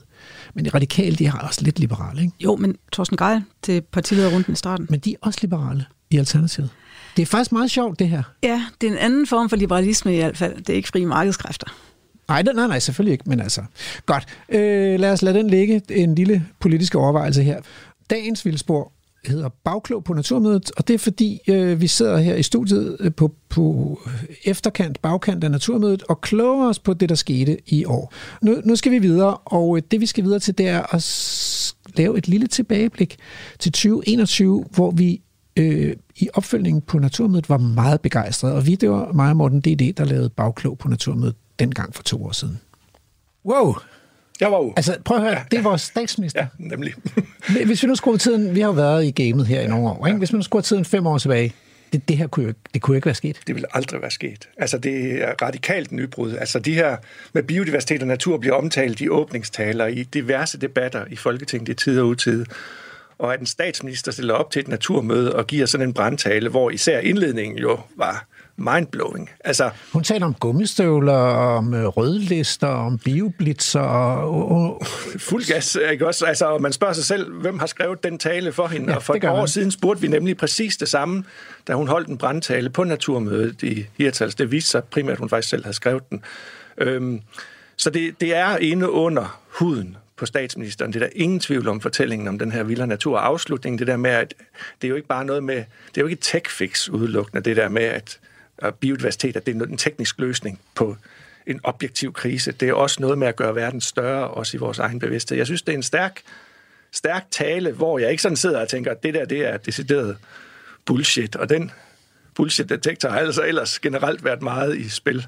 Det er jo en trænet bullshit-detektor, og den slår ja. som regel ud. Ja, det og, øh, og, så vi, man kan sige, at vi har fået taget en fordom, eller ja. hvad man kan sige, ikke? Altså, øh, fordi umiddelbart så vil man tænke, nej, en toppolitiker, en toppolitiker tænker på det nødvendige i verden. Ja. Men hun taler ikke bare om det nødvendige, hun taler også om, om, om skønheden, og hun taler om det der med altså, øh, et rum til at trække vejret på en lidt bedre måde, ja. en helende kraft, når ja. livet driller. Ja. Øh, hun, hun taler om naturen som, som en gave, og som skønhed, mm. og som Jeg tager, og tager fat i også, at det er en ung dagsorden, det at hun har været ude med gymnasieelever, som alle sammen øh, tænder på den her dagsorden. Det er jo også det, jeg selv oplever, når jeg er ude med de unge. Det er jo også det, der holder mig hvad skal man sige, i gang i forhold til det her med at tro på, at det faktisk er en dagsorden, der holder på langt sigt. Det er det med, at de unge virkelig byder ind, når det kommer til natur. Og så er hun ikke, øh, altså, bef, den er befriende øh, fri for øh, dommedagsprofetier. Mm. Øh, hun, tæ- hun ved godt, det her det ikke handler om klima, så, mm. så hun, hun bruger den ikke til at tale om klima, hun bruger den til at tale om natur. Præcis. Altså, og hun, jeg tror ikke, hun sagde plastik. Hun sagde affald. Ja. Men hun sagde ikke ordet, nok. ordet plastik. Det er Ja, fair nok, ja, altså. Ja. Jamen altså, og, og det jeg også lægger mærke til, det er, at, at normalt, når politikere netop skal omtale natur og biodiversitet, så kommer nødvendighedens politik og de økonomiske betragtninger altid ind over det. Ikke? Også nu skal vi også huske, at der skal være plads til landbrug og skovbrug osv. Ja. Det, det ved hun godt. Altså, det ved vi jo alle sammen godt, at Danmark er fantastisk landbrugsjord. Ikke? Altså, Danmark er et fantastisk landbrugsland. Så vi kender godt præmisserne for, mm. øh, hvad, det er, altså, hvad vi skal arbejde med. Men hun tager bare den positive ja-hat på. Det her, det er noget, vi gerne vil, og det er altså regeringschefen, der taler. Det er fantastisk at opleve. Og så synes jeg, at starten, altså indledningen på talen er fantastisk, fordi den har det her med, at, at, at altså, det der med, at plads til græsne, vilde heste og hjorte, og altså hele fortællingen om, at de her store dyr hold, hører hjemme i naturen, den er i min optik også særdeles vigtig. Men prøv, du sidder og du, du bladrer i det. Har du skrevet det ned, eller hvad? Nej, fordi men jeg tænkte, at det her det er så væsentligt en tale, at den må der stå på statsministeriets hjemmeside under væsentlige taler. Og det gør den også. Man kan bare gå ind, statsministerens taler, og der er den, der er den simpelthen, øh, der har vi hele talen. Så, øh. Sådan. Det, kan, det kan godt anbefales, hvis ja. Ja. man ikke fik det hele med. Ja. Så Ja. læs den en gang til. Det her, ja. det er Danmarks historisk. Det, det kan vi godt sige. Og man må gerne dele den på de sociale medier, fordi det fortjener den faktisk. Ja. Nå, men altså, vi, det, vi kan jo ikke være to kritiske mennesker, der bare står og lophudler øh, statsministerens tale. Vi bliver nødt til at finde nogle hår i suppen. Ja. Så hvis man skal lede efter nogle hår i suppen, jeg ved godt, hvor I hvad vil pege på, men har du fundet nogen? Jamen, det er der ikke er nogen altså, der er ikke noget, der er ikke noget mål. Jeg ved fra alt, der har med naturpolitik at gøre, at bindende mål er det, der for alvor gør forskellen i forhold til folks opmærksomhed og hvad den konkret udførte politik bliver. Mm. Og vi mangler et bindende mål. Altså, vi har de her 15 naturnationalparker, der dækker godt. Ja, hun sagde faktisk... Øh, Op til 15, Ja, det er jeg det var mærke det. til, ikke også? Og Det, det, det, det kunne jo være et, et hår i suppen, men det er jo også et spørgsmål sikkert om proces, hvor mange når den her nuværende regering inden for den nuværende valgperiode at få gennemført. Ikke også? Altså, det kan være, det kan være en... Men det kan også være, det er jo også et mål. Ja. Vi har sat os det mål at gennemføre 15. 15 ikke også? Punktum. Op til 15 lyder. Ja, det kan man godt sådan lige stusse over. Men, men det, jeg savner, det er det der med, hvad er det langsigtede mål med det her? Hvor stor en andel af, af verdens areal eller landets areal skal vi egentlig afsætte? Ja, fordi hun slutter, jo, hun slutter jo af med at sige, at vi skal inspirere andre lande. Vi skal være et foregangsland. Ja, og det, og, og det bliver jo lidt op ad bakke. Det bliver lidt op ad bakke, fordi vi har jo begge to oplevet, at når vi har udenlandske forskere og naturfolk, NGO'er og alt muligt på besøg, så, så, så griner de nogle gange en lille smule overbærende af det, vi kalder natur, og den måde, vi forvalter vores omgivelser på. Mm. Så der skal meget til, før at vi bliver foregangsland i forhold til naturbeskyttelse. Det skal der. Ja, altså, og nu kommer vi til senere i dag også, fordi det er noget, øh, det er noget partilederne også kommer ind på her øh, og diskuterer, ikke? Men, vi skal, men EU har jo nogle mål, og FN har jo nogle mål om at reservere plads, og, og det, som statsministeren taler om med de 15 naturnationalparker og de der 75.000 hektar urørt skov, hvis man summer det sammen, så er det jo 2% af Danmarks landareal. Lige præcis. Så det er så det, det er så det, vi kan give til skønheden og til den vilde natur. 2 procent. Ja. Og så 98 procent til mennesker. Ja, og så spørgsmålet er jo, hvad, hvad, hvad, hvad tallet er på havet. Fordi havet i dag er jo inderligt ubeskyttet. Ja. Altså, hvis vi taler om, at landnaturen er ubeskyttet, så er havnaturen jo nærmest Wild West. Ikke også? Ja. Altså, så der er, der er noget at leve op til. Der er plads til forbedring. Ja, det er- og det er jo præcis, hvis man får udenlandske gæster, det de falder i svime over, det er jo ikke vores urørte skove, fordi de er så små. Det de falder i svime over, det er vores kyster. Ja. Og den kystnatur, som, som de har så lidt af ja. i resten af de europæiske lande, og som ja. vi er så rigt forsynet med. Ja. Så der er virkelig noget at beskytte og passe på ude langs med kysterne. Du lytter til Vildspor på Radio 4. Au, au, au, au, det gør ondt at høre det der. Oh. Mette, sig, sig mig engang, øh, helt, din helt ærlige reaktion. Var vi bare bundnaive? Min reaktion er, at det er derfor, du har inviteret mig og ikke Morten, for jeg vil bare stå og stå hulke begge to, når I så Jamen, det gjorde ondt. Ja. Altså, det- man, kan, hvis der, man skal bare på et lille lyspunkt, så er det, at, at de der op til 15 naturnationalparker er så blevet til, i hvert fald på papiret, 15 naturnationalparker. På papiret 15 og mulighed for 5 mere, ikke? Jo. Så altså, ja, de, de der øh, ikke-konkrete målsætninger, dem går det sådan set stadigvæk øh, Ukonkret med. ukonkret med. Ja. Øh. Jeg synes lige, vi som kontrast til det her klip, så skal vi, skal vi høre øh, et klip fra Mette Frederiksens åbningssale i 2023. Så kan man jo øh, sammenligne. Og i naturnationalparkerne skal vi give plads til, at naturen får lige præcis plads, så den kan udvikle sig på sine egne præmisser. Og der skal vi huske en gang imellem som mennesker, at den ikke ser ud, som den plejer at gøre, når den får lov til at være netop sig selv. Jeg tror, at naturnationalparkerne er godt for naturen og for os. Det giver en masse muligheder for flere oplevelser som familier. Og jeg tror egentlig også grundlæggende på, at jo mere vi er i naturen, jo mere vi oplever den, sover i den, leger i den, cykler i den, spiser i den, bliver overrasket af den, bliver våd af at være ude i den, kommer ind igen, årstiderne skifter, jo flere oplevelser, jo lettere har vi også ved at passe på den. For når først man har været der rigtigt, så smider man jo ikke sit affald der. Og så vender man den ikke ryggen igen. Og så for det fjerde, så skal vi udtage øh, 100.000 hektar lavbundsjord af driften. Og det betyder, at vi skal omdanne vores, en større del af vores landbrugsjord på en størrelse svarende til Bornholm og Morsø til sammen til at blive det, det var engang naturlige vådområder. For eksempel Storken og Viben, de elsker det. Og dem har vi behov for nogle flere af. Det er noget af det, vi arbejder med i den nye regering. En ny naturlov, en ambitiøs skovplan, etablering af naturnationalparker og omdannelse af landbrugsjord til vådområder. Nå, Mette. Øh, altså, hvis, vi skal, hvis man skal lede efter konkrete tal, vi, vi kender jo de der 100.000 hektar øh, vådområder, de vil lave af klimahensyn. Nu blev det så til enestående natur, til storker og viber og sådan noget. Ja, som Det godt kan lide vand. Altså for, Ja. det er jo faktisk de store dyr, storken og viben godt kan lide. Nå. Ja, det er det nemlig. Altså, og der er jo ikke nogen garanti for, at de der øh, udtagende landbrugsjord bliver til vild natur. Nej, nej, nej. Det er, jo, det er jo også primært en klimamålsætning med dem. Altså, så klimaet var der, de røde kinder og den friske luft var der, og så smider man ikke sit affald i naturen. Alt det, som vi Nej. roste i den for sidste gang. For ikke at tale om. Ja, For ikke prøv at høre, vi ved jo, at de der mountainbiker, de kommer ud, og de bliver beskidt, og de bliver våde, og de får frisk luft og sådan noget. Og det næste, de gør, det er, at de kæmper mod vildskov i Aarhus Kommune. Ja, ja. Det, det er jo, altså der er jo konflikter mellem vores anvendelsesønsker og så den vilde natur. Altså, uanset og, hvordan man vender Og og hvordan er det nu, politikernes opgave er i forhold til konflikter? Lad os lige repetere det. De skal prioritere. Det er deres opgave. Det er det vigtigste. Ja, og, og, og, og nu øh, talte vi lidt om kompromiser tidligere, og, og der er bare nogle steder, hvor kompromiser ikke virker. Altså et øh, altså, kompromis virker ikke, hvis man får halvdelen af sine levestedskrav opfyldt som ret. Nej, man er nødt til at have det hele. mm. Mm, Men der var et tal for øh, skovrejsning i Mette Frederiksens åbningssal. 250.000 hektar skov skal vi have. Ja. Det er alligevel noget. Det er, ja. det er jo faktisk 10 gange så, mange, så meget plads, som hun har tænkt sig, eller regeringen har tænkt sig at bruge på naturnationalparker. Og, og, og, det, og det er jo ikke nødvendigvis natur, fordi det hedder skov, altså det er jo træproduktion rigtig meget af det. Ja, det må vi gå ud fra, fordi det er skovrejsning i Danmark normalt. Altså, man planter så mange træer per hektar, at de vil presse hinanden op i lyset og lave noget godt, lige, ret tømmer, der kan afsættes på markedet. Ja.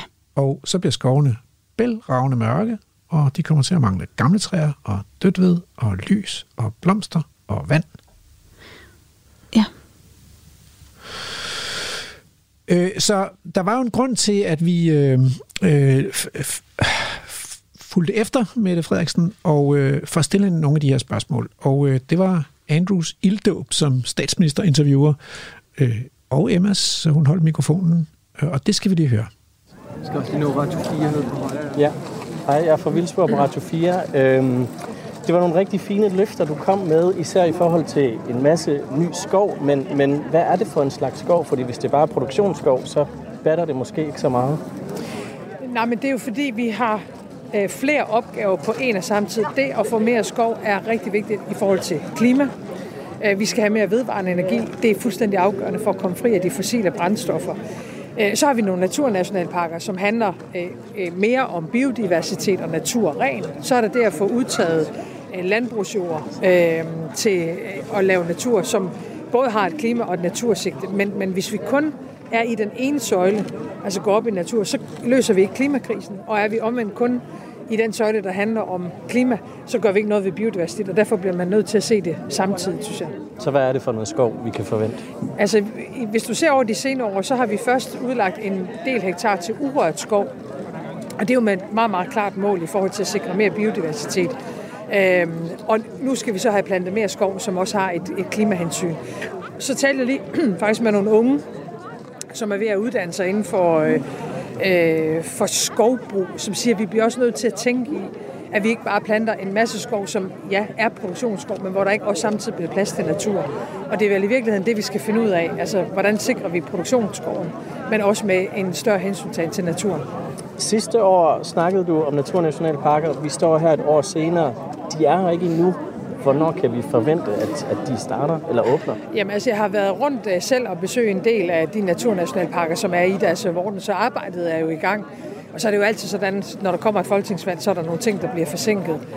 Og så, og det synes jeg er ret vigtigt, det er, at der, der skal være en ordentlig lokal inddragelse. Det, det, jeg synes, det er lidt mærkeligt, at kritikken nu går på, at det skal gå hurtigere, fordi at lave en stor naturnationalpark i et lokalområde, hvor den befolkning, der bor der, ikke er ordentligt inddraget, det tror jeg faktisk ikke er særlig holdbart. Jeg vil da langt hellere have, at det har lokal opbakning, og folk har lyst til at være der, og man er stolt af, at man har en naturnationalpark. Så det tager den tid, det tager, men vi er i fuld gang. Men hvad er det for nogle, må jeg få bare det sidste, hvad er det for nogle, nogle, nogle ting, I så går på øh, kompromis med, hvis I skal inddrage øh, lokalbefolkningen? Det kan jo være biodiversiteten, der går på kompromis.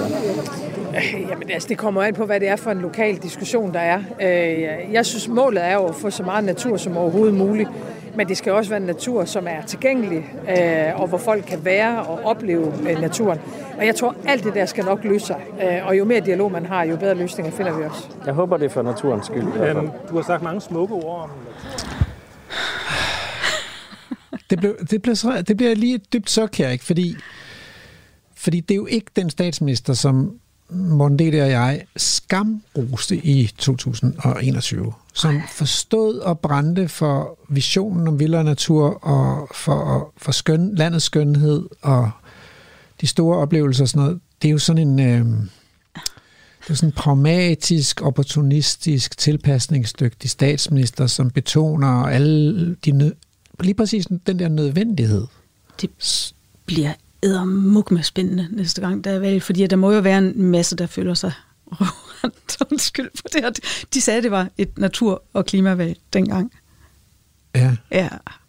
Oh. Og det er bare gået i stå så meget, at bremserne hviner. Altså. Hun indleder jo ligesom den her, at vi har flere opgaver på en og samme tid. Ja, ja, ja det ved vi godt, det, det er derfor, vi har valgt jer. Ikke?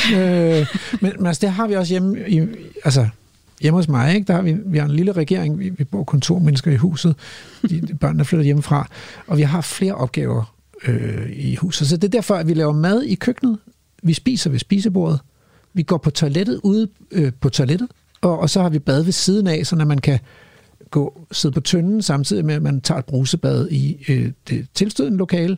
Og så har vi et, et arbejdsværelse, hvor man kan sidde og tampe i tastaturet, uden at blive forstyrret af, at man måske hører radio ind i stuen. Er det ikke smart?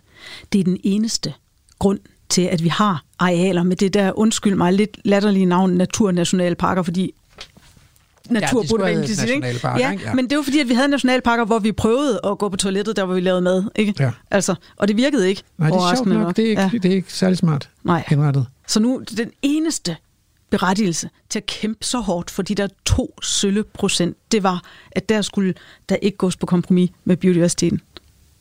Men, men det smarte ved at få sådan et hus, det er at der er nogen, der har sat sig ned og tegnet det. Og, og det, det, vi mangler i Danmark, det er jo nogle politikere, som har mod og mandshjerte, eller kvindehjerte, til at sætte sig ned og tegne det her land, sådan at der bliver plads. Fordi vi har jo, de har flere opgaver på samme tid, så der skal være plads til det hele. Ikke? Hvis vi nu ser, hvis vi nu tænker, okay, men det er så det, de har gjort, de har tegnet det, så må vi konstatere, at den rigtig vilde natur har fået 25.000 hektar. Og så er der, der, så er der 75.000 hektar urørt skov. I øvrigt er de lidt overlappende. Så det bliver ikke helt til 100.000 hektar. Og så får skoven så 250.000 hektar. Og det blev jo rimelig klart i det her interview, hvad det er for noget skov. Ja, det er til at brænde. Altså, undskyld, det er ikke engang en klimaindsats. EU har sagt det.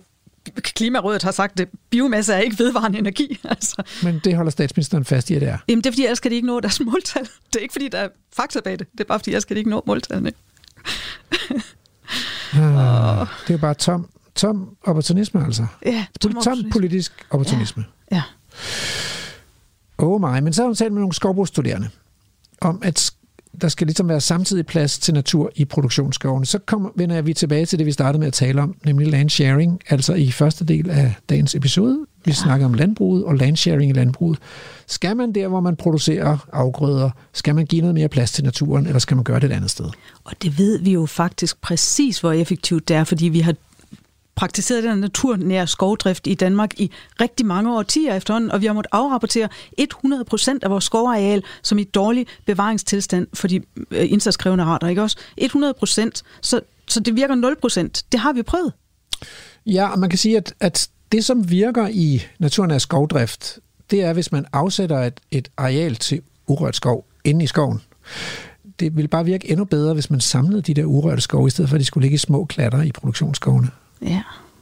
Og det, det her det er jo ting, som... Det er jo ikke engang noget, vi diskuterer øh, blandt forskere i biodiversitet. Der er jo helt fuldstændig enighed omkring det. Ja, og, og, det, og det ved vores beslutningstager faktisk også godt. Jo, men de synes bare alligevel, at man skal lytte til alle, og alle skal være glade. Altså, det var så også det, der kom frem her omkring naturnationalparkerne. Hvorfor er der ikke sket noget? Jo, jo, men nu skal vi lige have noget inddragelse af lokalbefolkningen. Mm. ja, det er det, man har gjort i de oprindelige nationalparker. Det er derfor, der ikke er noget sket. Der er sket Men, noget.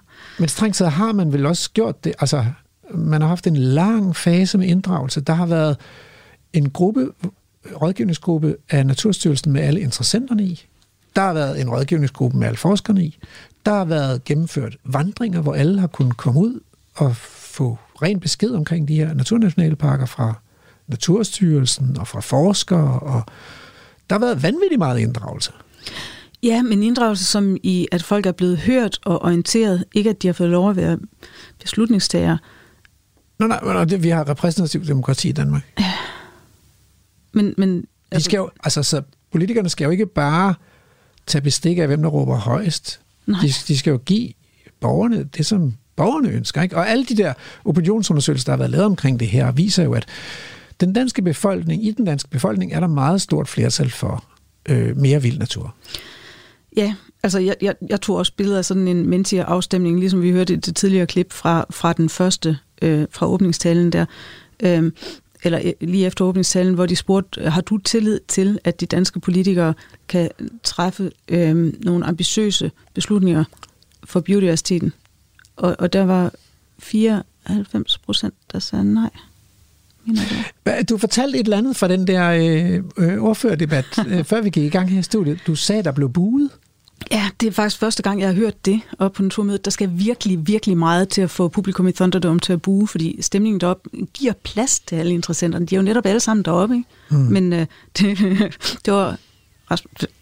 Ja, det var Magnus Heunicke, mm. som, øh, som, øh, som fik sagt, øh, han sagde, at i forhold til det her med dyrevelfærd og, og rewilding, så sagde han, jamen jeg hører godt nok fra mine kolleger, at de ser meget til de her dyreaktivister på de sociale medier, og det gør jeg sjovt nok slet ikke, men det er jo nok, fordi jeg allerede har blokeret alle, alle anti og dem, der hedder onkel Eje. oh my. Ja, og der sad jo to politikere, som undskyld, men har kapitaliseret lidt på de stemmer, der har ligget i den der relativt snævre modstand mm. øh, mod rewilding, og, og, og det var så Nick Zimmermann fra DF og så Pernille Vermund, og de følte sig voldsomt truffet af den bemærkning. Og Nick Zimmermann så meget, så han på et tidspunkt begyndte at tabe fatningen lidt og, og råbe de andre paneldeltagere, og så buede folk altså i teltet. Okay. Der var simpelthen kontant afregning. Men, men, men er, det, er, det, er det i virkeligheden derfor, det er blevet sat i stå? Fordi at vi er en nation af hyggedanskere. Så hverken i det politiske spektrum, eller i pressen, eller blandt forskerne, sådan noget, kan man faktisk håndtere en situation, hvor der er reelle konflikter. Jeg tror, folk bliver forskrækket, ja. fordi de, de troede, at det var gratis point. Altså, jeg tror, at den åbningstale, I var så begejstret for fra Mette Frederiksen dengang, det var, fordi hun troede, at det var en ren vindersag. Ja. Og da det begyndte at være stemmer, da, altså, da det begyndte at være sådan reel konflikt, så, så blev mange af vores politikere forskrækket. Der, der er ikke ret mange, der har ryggrad nok til at sige, så nu stopper det. Men, det, men altså den sørgelige konklusion på det, du siger der, det er jo også, at, at hun var ikke ægte visionær dengang. Hun var i virkeligheden også opportunistisk dengang. Altså, så, så det var bare en, en opportunisme, vi bedre kunne lide. Ja, ja. For, fordi hun troede på, at den der brændende flammetale, den ville give en masse likes.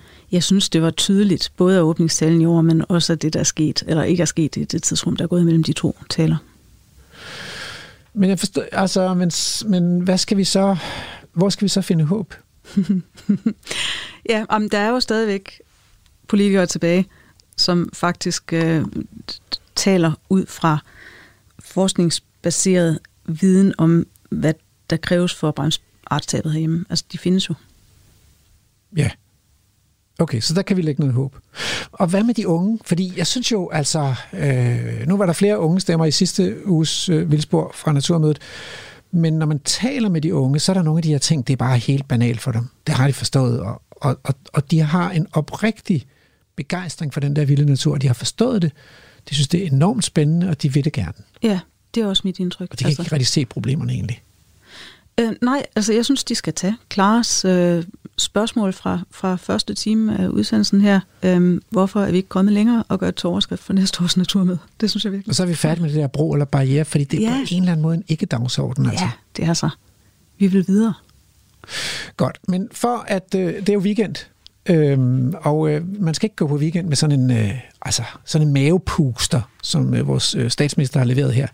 Så, så det vi, øh, det vi nu har til jer, det er, at øh, vi fangede simpelthen øh, Senior Stampe på Naturmødet, gik en tur på havnen i Hirtshals, og stillede hende nogle af de samme spørgsmål, øh, som Clara også stiller i programmet her. Hvorfor er vi ikke kommet videre? Hvad kommer der nu til at ske? Hvordan kan vi komme i gang og komme videre med det her?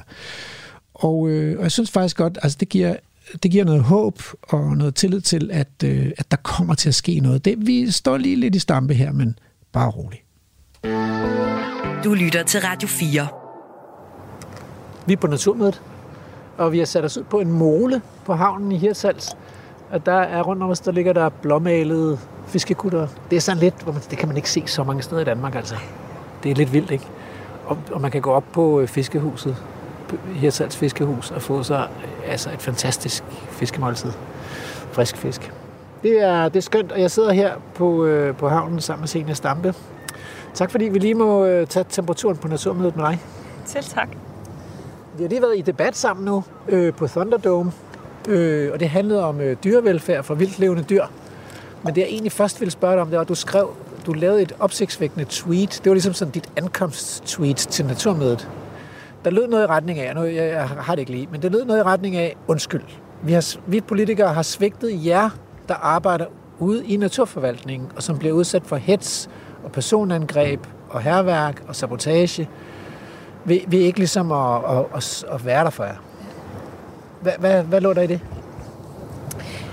Øhm, jamen, der lå en indrømmelse af, at vi har været fraværende i den debat. Vi har måske heller ikke forudset, at, den, at det vil blive så kontroversielt og det kan man så også stille spørgsmålstegn ved, om debatten om vild natur og store græsser er kontroversiel, fordi hvor mange af dem, som er så meget imod. Men det fylder meget, og de fylder jo navnlig meget for dem, som arbejder og som bliver konfronteret af ja, hets på sociale medier, men også ude i virkeligheden.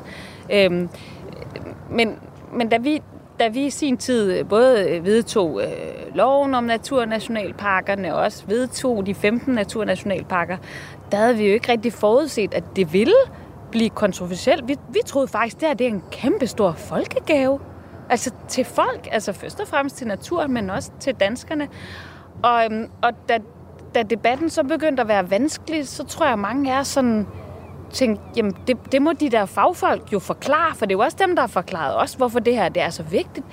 Og så har vi skubbet jer foran os, og, og, og det har vi gjort øh, lang tid, hvor, hvor, og for længe. Øhm, øh, og, og det har jo både været et problem i den forstand, at den vrede, der så har været, den har rettet sig mod medarbejdere. Det er selvfølgelig også jer, der i et eller andet omfang er bedst til at give svar, fordi det er jer, der ved mest om det, men, men omvendt er det jo vores beslutning. Øhm, og det er jo mig, der skal stå som politiker og argumentere for den beslutning, men også stå på mål for den, sådan så dem, der er uenige, de må rette deres vrede eller energiargumenter mod mig, og ikke med de medarbejdere, som sådan set bare gør det, som vi nu har besluttet, at de skal. Så, så ja, det var sådan en entré. Øhm, Men så skete der jo det, at øh, det retweetede Mette Appelgaard fra de konservative, så, og så, så var der sådan lige lidt for, for søstring der, med en fælles front og sådan noget. Men hvad vil I gøre, altså? Jo, men øh, i virkeligheden synes jeg, det er meget nemt. Øh, det er jo bare, at, at hver gang der er en debat, og medierne ringer, så tager man telefonen og forklarer og står på mål. Altså, det er lidt, undskyld, jeg siger, det er lidt ligesom i gamle dage, da jeg var udlændingoverfører. Ikke? Det er også nogle gange besværligt at skulle tage de der debatter om menneskerettigheder. Det lyder egentlig underligt, ikke? fordi menneskerettigheder er en god ting. Men, men, men når det handler om, hvem man må udvise, og hvorfor er det nu, man ikke må udvise en eller anden familie osv. Man kan jo godt gå i flyverskjul på det, fordi det er en besværlig debat. Det kan være lidt svært at forklare. Men der er jo brug for, at der er nogen, der gør det. Der hver gang stiller sig op og siger, prøv at høre venner, der er en grund til, at vi har menneskerettigheder. Der er en grund til, at det lægger nogle begrænsninger på, på, på os. Det kan jo ikke hver gang sådan sende videre til en eller anden øh, øh, forfatningsekspert. Øh, og lidt det samme i forhold til natur. Nogle af de her debatter kan være svære. Jeg vil nu sige, jo mere man går ind i dem, jo, altså jo mere hjemmevand bliver man også i dem. Øh, men, men det er måske især svært, hvis man også er bange for at, øh, øh, øh bange for, at hvad kan man sige, øh, at støde nogen fra sig. Fordi der er jo også et eller andet valg i den her debat, at altså næsten uanset hvor diplomatisk man udtrykker sig, så vil man nok, hvis man går ind i den her debat til forsvar for de vilde dyr og store græsser, så, så uanset hvor diplomatisk man udtrykker sig, så er der jo nogen, der, der som, som, som så vil være imod. Ikke? Og, det, og det kan man ikke rigtig sådan bygge en bro hen til. Man kan forsøge, men, ja. men sådan er det. Ikke?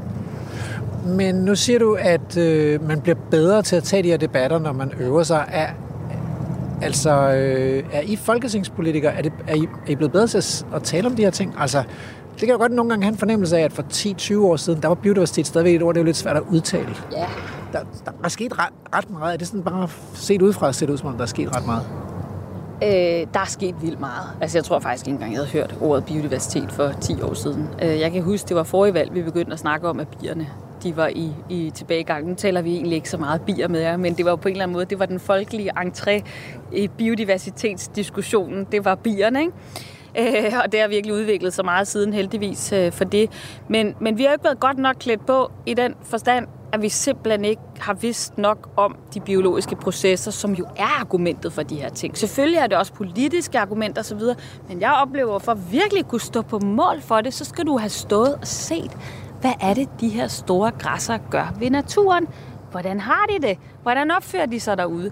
Når man ikke har det, så bliver det meget abstrakt, og det, det, der tror jeg, at øh, flere og flere af os får det ind under huden. Altså, vi har stået derude. Vi, vi, kan, vi kan med billeder fortælle, jamen, hvad var det, vi så?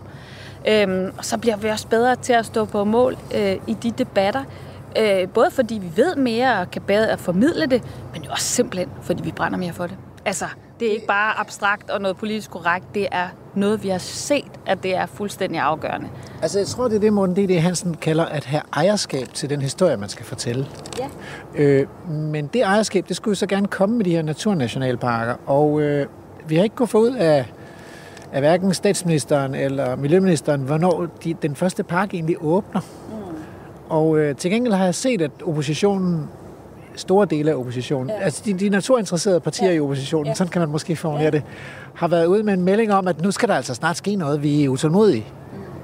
Men, øh, men hvad kan I bruge jeres utålmodighed til, når der sidder sådan en flertalsregering, der ligesom sådan står på bremsen? Ja, det er jo nok den største udfordring lige nu parlamentarisk, det er jo, at de har deres eget flertal, ikke? Øh, men, men, men der er jo sket noget ret unikt, og nu må vi jo se, hvor meget vi kan bruge det, og hvordan vi kan bruge det, men at der vi kunne lave en alliance, du siger hele oppositionen, men det jeg især lægger mærke til, det er jo, at det er partier på begge sider af regeringen. At vi kan gå sammen om at skubbe til regeringen. Oppositionen er bredere end regeringen, end den brede regering. Det er det, det, det. Og, og, også fordi, at nogle gange, så sidder de jo, tænker jeg, inde i regeringen, og, og så er der sådan lidt en armlægning, uha, det her, det må ikke virke for blåt, det må ikke virke for rødt, fordi hvem er det så, der har vundet internt? Og lige pludselig, så er der en grøn dagsorden, hvor regeringen oplever både, at der står nogen på den ene side og den anden side og siger, nu må I altså komme ud af de der startbokse. Øh, og det, det, vi har jo ikke nogen muskler. Altså, de er jo fuldstændig ligegyldige med vores... stemmer i, i meningsmålingerne, ikke? Det er jo, det, det tror jeg faktisk. Jeg tror faktisk, de er lidt ligeglade med det lige nu. Jeg, der tror jeg altså, de har is i maven. Det vil jeg have, hvis jeg var dem. Ja. Det er ikke, fordi jeg spurgte dem et godt valg, men jeg vil have is i maven Real politisk vurdering her. Oh, altså, vi er langt fra et valg, og de skal nok sidde helt til enden, så det, det vil jeg ikke tænke på øh, lige nu. Øh, meningsmålinger, det er lige meget. Men, men, men det vi gør, det er, at vi giver dem, hvad kan man sige, vi kan give dem noget mod. Altså, de har jo været bange for den her dagsorden. Det er kommet bag på Socialdemokratiet, hvor hård den er.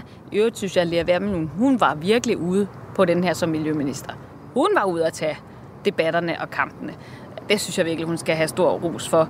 Øhm, men det er jo kommet bag på S, og så kan man sige, at Venstre de hoppede med på den der øhm, anden kritiske bølge. Øhm, og, og derfor kunne man jo godt egentlig have tænkt, at de der to jeg skulle til at kalde dem folkelige partier, det ved jeg egentlig ikke, om man kan sige. I hvert fald ikke i meningsmålingerne, selvom jeg sagde lige, at jeg var ligeglad med det. Men om det er to store, brede folkelige partier, det ved jeg ikke. Men det vil de gerne være. Og det er klart, hvis de oplever, åh oh, nej, nu er der bred folkelig modstand, og nu kigger jeg på dig, for det ved vi jo godt, det er der ikke, når vi måler. Men de der stemmer, de er så de fylder så meget debatten, at der helt sikkert nogen, i, især i Venstre så vi jo under valget, men jo også i Socialdemokratiet, som bliver lidt bange og tænker, uh, kan det ikke på en eller anden måde forsvinde? Og der tror jeg, at det, at de mærker, at vi skubber på, ikke bare de gamle grønne partier ude på, jeg kan sige centrum venstre, men også at der er nogle grønne partier på blå blok, det kan måske give dem noget mod, at de tænker, at vi bliver da ikke angrebet for at være øh, øh, naturfanatikere, hvis vi sætter øh, naturnationalparkerne i gang, fordi vi har faktisk opbakning meget, meget bredt i Folketinget. Så jeg tror, vi kan ikke, øh, vi kan ikke tro dem til noget, vi kan ikke presse dem til noget, men vi kan skabe nogle bedre muligheder for, at de tør øh, at sætte fuld i det her. Kan naturmødet... Det er forkert øh, sætte gang i det. kan naturmødet flytte noget? Eller kan det bare gøres lidt, lidt klogere eller lidt mere oplyst? Altså på den her dagsorden, eller? I det hele taget, altså ja, på, på den naturpolitiske dagsorden selvfølgelig, ikke? Altså. Jeg tror, at øh, hvis en miljøminister eller, eller andre øh, toneangivende politikere, nu tænker jeg sag regeringspartierne, men det kunne sådan set også godt være os andre, går rundt her og mærker, at der er en oprigtig stor, bred folkelig interesse for natur, så tror jeg, det kan være med til netop, at man ikke bare tænker, gud, det bedste, det er nok bare, det går i glemmebogen. Så ved man godt, nå, jeg kan, jeg kan levere noget her. Altså, så derfor tror jeg, at det kan være animerende, motiverende, fordi nu har jeg så, jeg har jo ikke øh, lovet stemning over alt, men, men, øh, men jeg synes, at den generelle stemning her er jo en kæmpe øh, naturinteresse og engagement. Øhm, og øh, det tror jeg godt, man kan gå herfra som politiker og være netop motiveret, øh, animeret og tændt på at give noget energi øh, til et område, som, som man måske også kunne være lukket til sådan at, at, at skubbe lidt i baggrunden. Silja Stampe, naturordfører for De Radikale. Tak for lige at gøre os lidt klogere på, hvad der sker på den politiske front. Selv tak. Du lytter til Vildspor på Radio 4. Mette Hæsselhold Henne Hansen, var det ikke meget godt at gå hjem på? Jo, det var opmuntrende. Så er det blevet tid til at sige farvel, og som altid, så er der dagens haiku. Det lyder sådan her. Kage eller kål, fløjelsgræs til høveder, livet har en pris. Du har lyttet til en podcast fra Radio 4.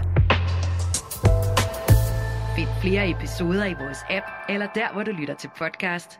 Radio 4 taler med Danmark.